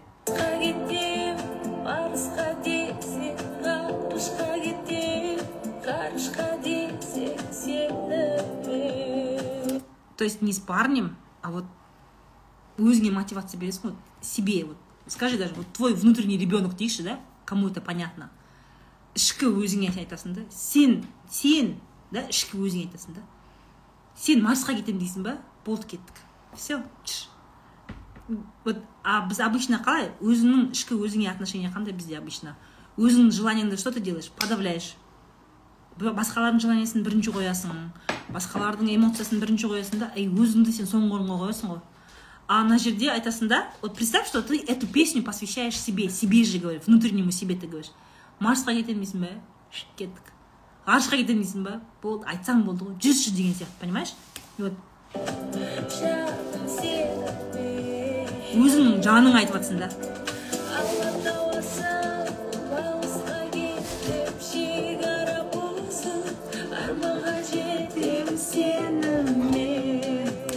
Это правда сен арманыңа өзіңмен жетпесең өзіңнің жаныңмен жетпесең сен жете алмайсың. Сен в союзе болу керексің ғой сен арманың мақсатың сен ішкі өзіңмен сен в союзе болу керексің. Балам что ты ищешь? Кружку хочешь? Ала берсінші а, то есть это факт. Сен өзіңді тапқанда ғана кезде өзіңмен полный синхрон болған кезде ғана сен мақсаттарыңа армандарыңа жетесің. И ты будешь кайфовать. Это проект смотри.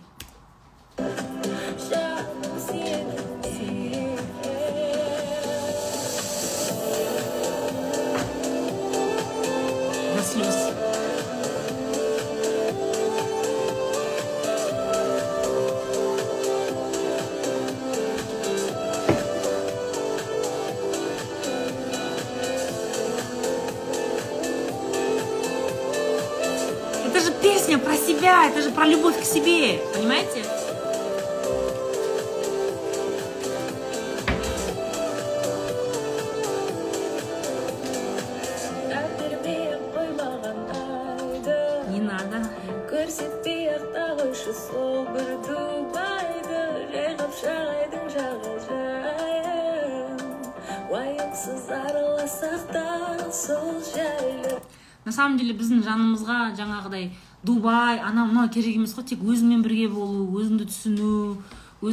жаныңды түсіну вот это же главнее всего неважно сен қапшағайдың бойында жүрсең де главное бірге өзіңді тыңдай алсаң өзіңнің жүрегіңді тыңдай алсаң өзіңнің сезімдеріңді тыңдай алсаң өзіңді түсінсең классно же классно ойлап денсаулықтың жайын күтейік екі мың елудің майын сол кезде марс көріп қайтайық кемесімен илон маск ағайдың марсқа кетем вот здесь смотри очень важные слова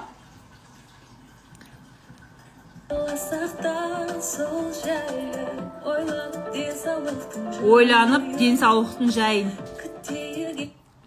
Или уж тебя же видно. Че ты? Тебя видно. Ты не спрячешься, ты слишком высокий. Сына. Сен бағана объявление жаздың ба? Объявление жаздың ба бағана? То есть э, даже здесь в песне говорится денсаулық туралы. Ойланып денсаулықтың жайын дейді. Да? Сендер өздерің денсаулықтарына қарайсың ба қарамайсыңдар ғой?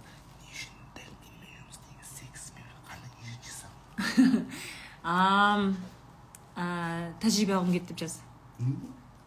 Господи, хочу набраться опыта деп жазасың. Сейчас не мешай, я стримлю, видишь? жағажайын уайымсыз араласақ та сол жайлы ойлап денсаулықтың жайын Ойланып денсаулықтың жайын. күтейік екі мың елудің майын Вот эти две строчки очень важные. Он ойланып денсаулықтың жайын күтейік 2050-дің май айын дейді да марсқа бару үшін да то есть а, во-первых максимально жаңағыдай армандау иә өзіңе қатысты біріншіден өзіңнің денсаулығыңды күту а, ұзақ өмір сүруге ниет ету да классно же это же песня про любовь к себе. Я, щ- я эту песню так воспринимаю. И всегда вот иногда даже просто сижу и плачу, потому что иногда ұмытып кетесің да өзіңді ше жұмыс жұмыс тірлік деп та өзіңді ұмытып кетеді. это так согревает я плачу от теплоты к себе от любви к себе понимаешь бізде марс көріп қайтайық кемесімен илон маск Какие дерзкие мечты. Марсқа кетем марсқа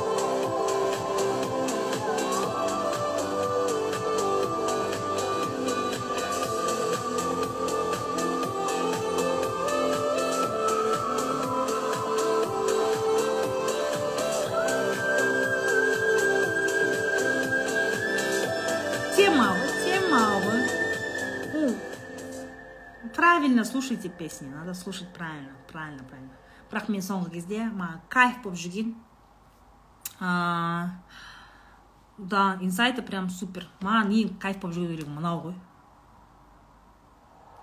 настроение бмвның ішінде бақыт қойып қоямын и өзгеріп дүние бір сені өзімнен өзім қызғанып келем сүйемін шексіз сұрана берем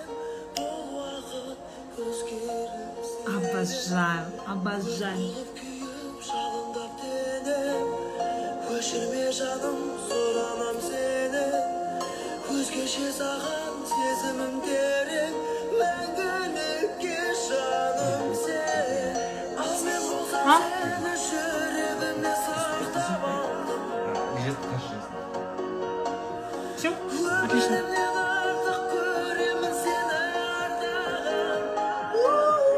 тема ғой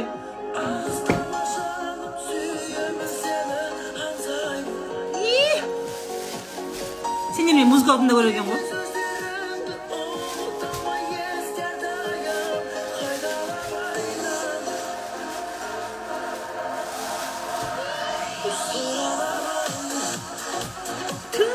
тойға барсаң иә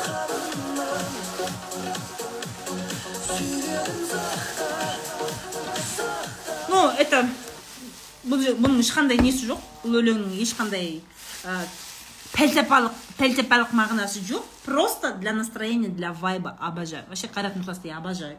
Имейте в виду я обожаю этого певца. А, как человека я его очень уважаю. Очень уважаю. Хороший человек негізінде жақсы артист мне кажется человек который сделал себя вот self-made self-made не андай бір вокальный данные мықты болмаса да бірақ ә, эстрадада орны бар мықты. Я считаю что это один из лучших артистов в стране. Да да да да да қазыбек құрайшы деген таныс па? Жоқ танымайды екенмін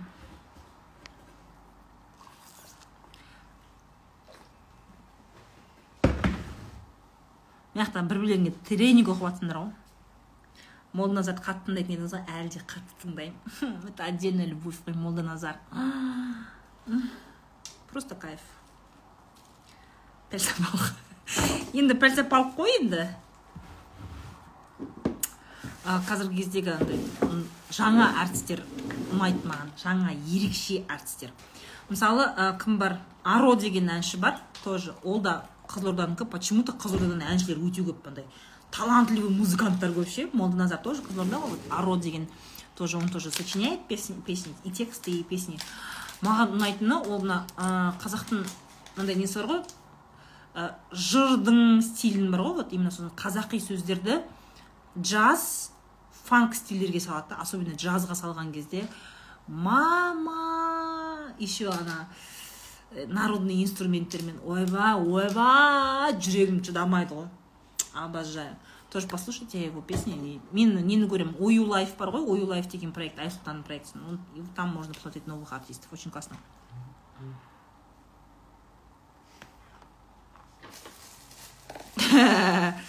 давайте қайрат жүрекке жетті деп айтады ғой сол ғой билли айлиш тыңдайсыз ба даун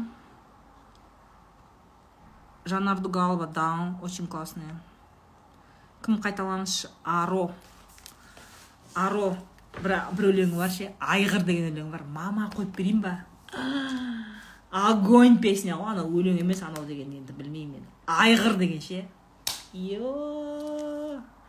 Нағыз ана біздің жаңағы сексист еркектердің тыңдайтын өлеңі ғой. Айғыр деген как уж деймін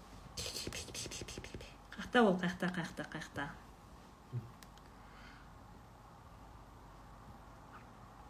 вот.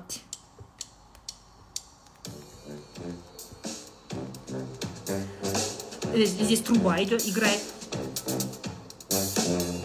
Сөздер тема ғой послушай Рақтан сен Еләтәрәніне қималың Сұлулықтың білгісі фигураңыз тема ғой анау Бұлақтан сыңғырлайдың Арналып жатыр тыңдауға күн Елегісің шетелдік марканың сен бмв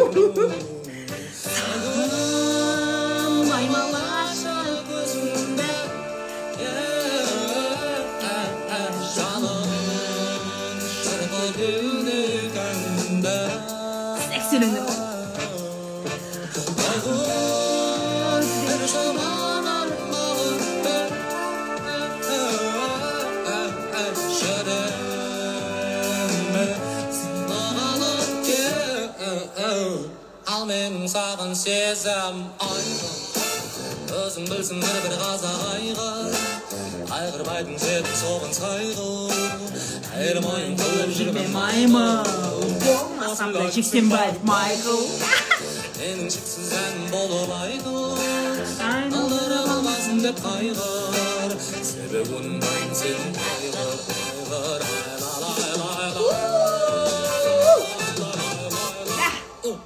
короче тема осындай өлең тыңдаңдар понятно? Фигуранс там все дела короче. Балаңыз шошып жатқан шығар дейді балам бұндай концерттерді күнде көреді ғой чана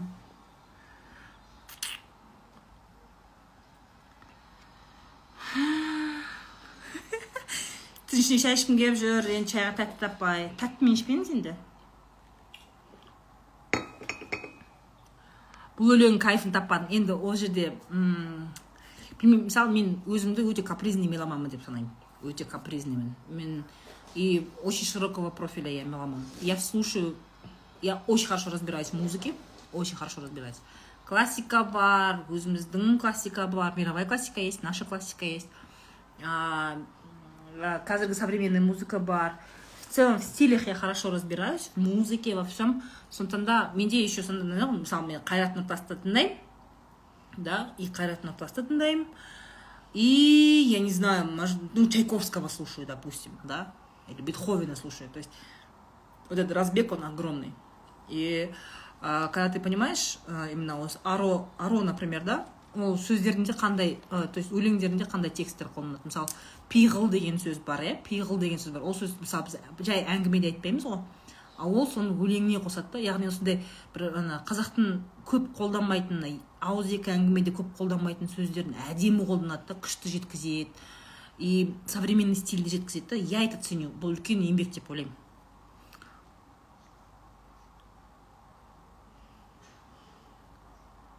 Жатқан позитивсіз ғой дейді. көп тіл білетін адамдарға ойыңыз қалай дейді. Молодец деймін не деймін? Дұрыс тамақтануды қойдыңыз ба? «А, бірде дұрыс тамақтанамын бірде тамақтанбаймын. Изменить пищевые привычки очень сложно. А я человек который люблю поесть.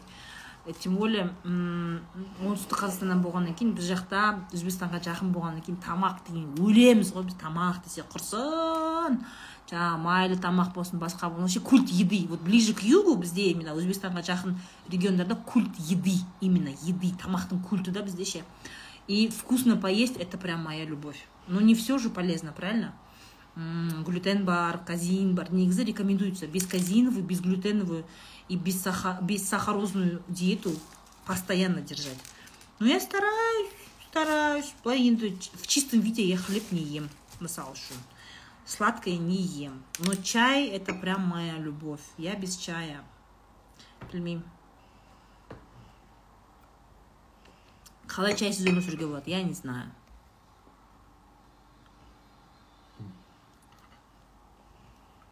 Димаш тыңдайсыз ба ну да. Да.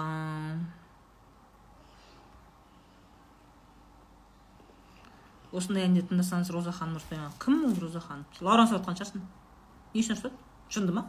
Ол мен дәу қатынмын ғой маған неде ұрысады әй роза тыңдама ондай әнді деп айтады ма? Қумаңдаршы қыздар. Қуып кетесіңдер иә не үшін ұрысу керек? Мен жасым отыз сегізде кім ұрысады маған? Стиліңіз маған ұқсаса қия- қиялимын енді ондай бар енді.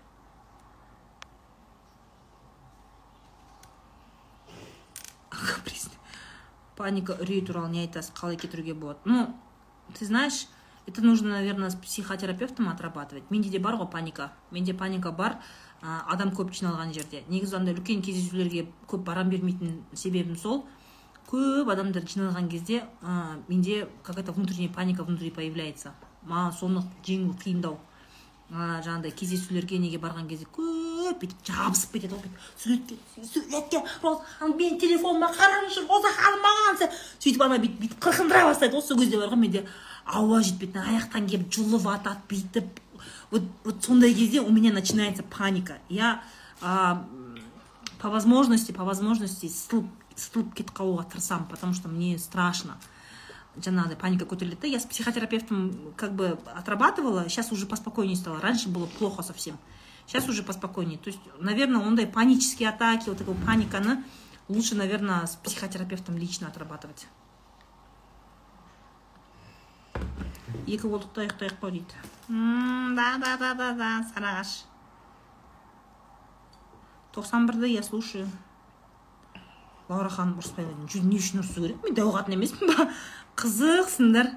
Не үшін ұрысу керек мен түсінбеймін. Мен жасым отыз сегізде байым бала шағам бар өзім әке шешем бар атам енем бар на то пошло мені тәрбиелейтін болса да бля сондай детский сұрақтар қоймаңдаршы. Қабырғам деген өлеңді тыңдадыңыз ба? Жоқ. Плотный кадр екенсіз дейді. Қая ұйықтаймыз қазір серьезный эфирде қалай отырасыз? Енді стараюсь отыруға отырам күшті болып отырам ей мен керек кезде серьезный бола саламын ғой сиырдан серьезный боламын керек кезде бар ғой танымай қаласыңдар ғой мені менің балам маған указ жасағысы келеді ұрысып тастаймын дұрыс па қалай жасауым керек деп ойлайсыз дейді сөйлесу керек сөйлесіп ну что например указ жасағысы келеді да он к тебе обращается грубо потому что ты обращаешься грубо то есть изначально оған дұрыс емес именно бала енді әке шешесіне қарайды ғой. Ойын жеткізе алмайды да только жаңағыдай указкамен претензия айту сондайды ғана біледі да ол сол тілді ғана біледі. И сен де жекуді білесің да и все вот уже разговаривать не умеете. Дұрыстап сөйлесіп бір бірімен үйретсейші сен үлкенсің ғой сен үйретсейші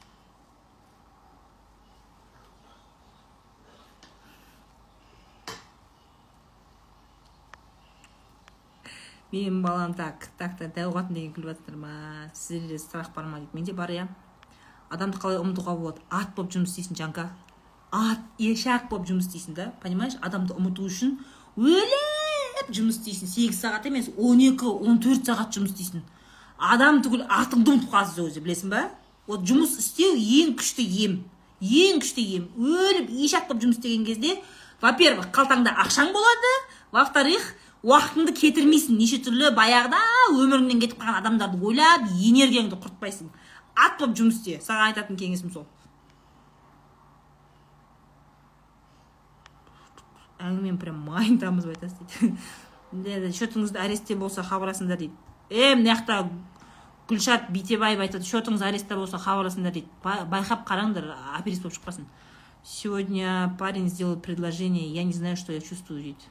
Ну страх наверное паника тоже. Сүйгенде ұйықтай берсіңдер дейді. Ақтауда тренинг өткізген бақи ханым толық құшақтап тастағанбыз дейді. Да да да. Это очень сложно.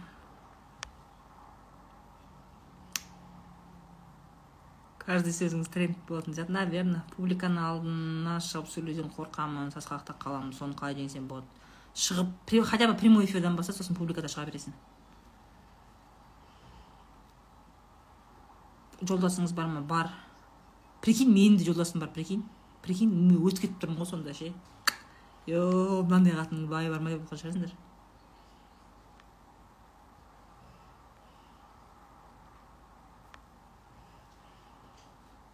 Серьезный ханым көру үшін курс алыңдар. Вот да.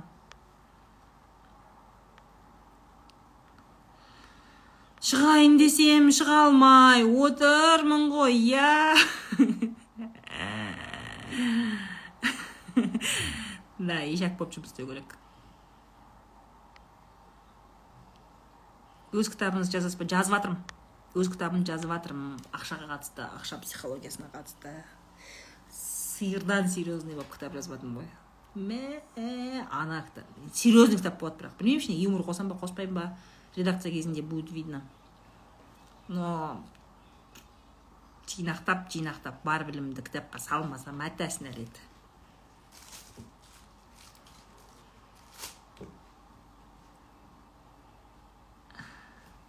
Ажырасқан бойдақ жігіт ұсыныс айтты қорқыныш бар жасы да кішті ойыңыз қалай дейді райхан дейді. Енді оны менімен сөйлеспейсің райхан сол жігітпен сөйлесесің. Ол енді қазір дәл қазір. Енді өлердегі сөз айтады ғой примерно саған ше. Болды жаным күнім күйім алам сені бірге болайық дейді да сен енді ажырасқансың ғой. Может он просто с тобой спать хочет я не знаю. Точно үйлене ма или өтірік құлағыңа гүл өсіріп просто қолданып қолданып кетпекші ма? Сен ойлансай сәл кім атың кім еді? Мына жақта атың кім? Райхан. Ә, яғни ол қазір естественно өлердегі сөзін айтады да. Прям таусылып болды. Жоқ мен қанаттыға қақтырмай тұмсықтыға шоқтырмай үстіңе шаң қондырмаймын уайымдама дейді да саған ше. Ол айтуы мүмкін. Бірақ ә, мне кажется асығудың қажеті жоқ. Повстречайтесь посмотрите қалай болады. Реально достарының алдында туысқандарының алдында ол ұялама сенен ұялмай ма для него это проблема или нет? Яғни көру керек та жаңағы достарымен отырыстарға барып көр туысқандарымен отырыстарға барып көр шақыра ма сені мысалы бауырлары иногда бывает же үлкендерсіз бауырлар өздері жиналады сондай жерлерге апара ма сені ұяла ма сенен ұялмай ма вот сол кезде көру керек та ертең үйленіп алған кезде мені алдапты деп отырмай. Сәл пысық болсаңдаршы етектеріңе ие болып.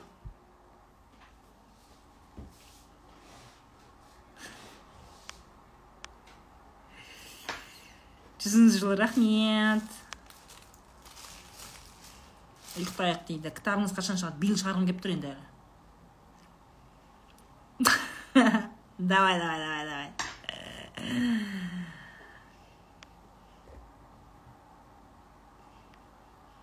Сол ешақ болып жұмыс жасасаң біреудің сөзін ойын ештеңені елемей жүресің. Біреуге өкпелеу де жоқ. Вот вот вот вот вот дұрыс айтасың. Бәрін біліп ештеңе істемеу бар. Дотошно біліп алып выгорание заранее білмейсің тоже страх как быть. А, ақша потогын ашу курсын ал. И мен скоро выгораниеден құтылу курсын тоже сыйлыққа беремін негізі бүкіл курстарымды ал да оқышы оқышы дамышы пысық боламын дейді. Коммуникация құру. Коммуникация құру ол курсты онлайн жасау қиын ол практический курс болу керек та коммуникация мен оны көп ойландым ол кәдімгі практика болу керек жаттығулар болу керек та.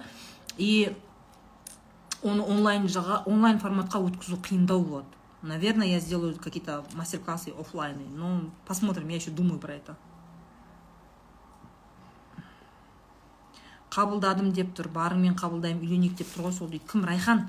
Ауызбен айта береді ауызбен бәрі орақ орғанда өлтіреді. Райхан мен саған айттым ғой. Етегіңе ие бол пысық бол кішкене. Достарымен кездесуге апарсын үйленбей тұрып бауырларымен таныстырсын отбасысымен таныстырып кәдімгідей айтсын бәріне жасырмасын. Иә райхан тұрмыста болған ажырасқан бірақ мен оны сүйемін деп туысқандарының алдында сенің көзінше айтсын. Қай жаққа асығып жатрсың райхан сосын оның шешесі ма келеді примерно? Сен біздің баламыздың миын айналдырып мен балама үйленбеген 18-де бір гүлі ашылмаған қызды алып беремін сен қайдан шыққансың райхан деп саған шешесі келеді. Или әпкесі ма біреу келеді. Стопудово. Бірақ екеуің бір бірлеріңді жақсы көрсеңдер действительно сүйсеңдер ондай қиындықтан шығасыңдар. Шығуларың мүмкін понимаешь? Если ол реально настроен болса а так шешесі қабағын шытса о қоя тұршы кішкене күте тұрайық деген әңгіме айтса болды қаш қаш қаш.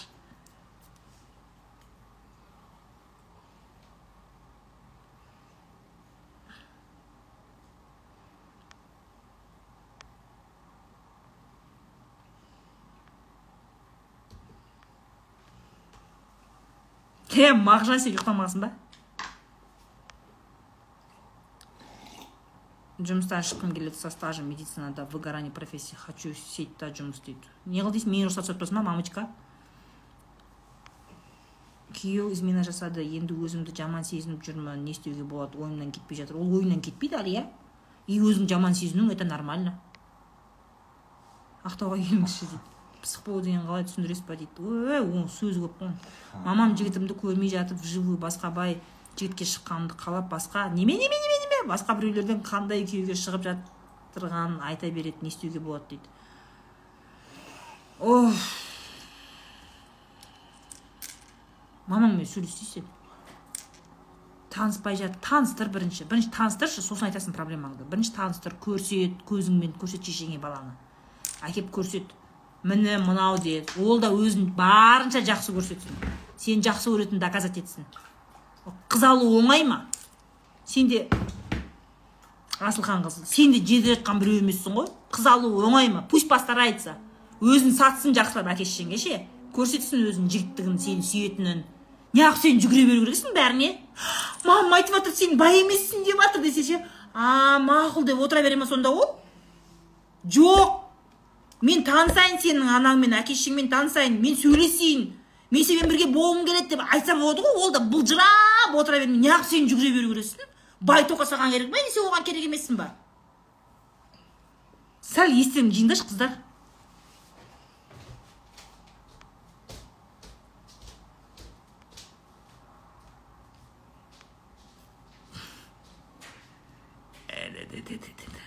Райхан қаш дейді.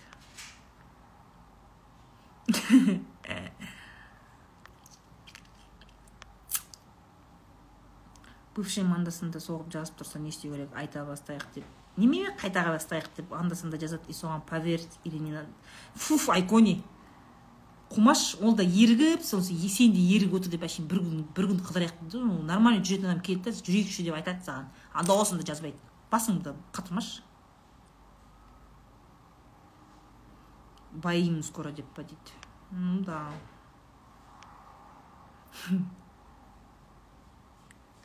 Күйеуім өзін күш сатқан менің ата анама вот вот так надо.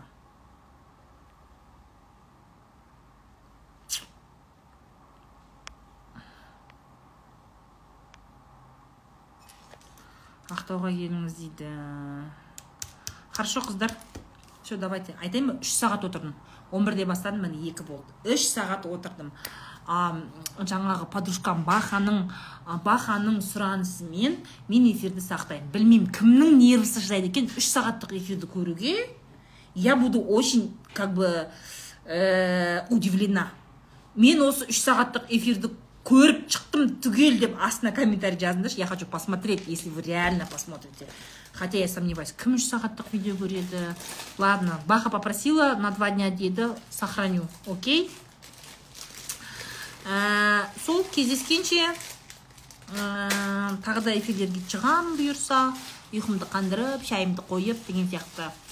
Все всем пока. Всем спокойной ночи. Пока.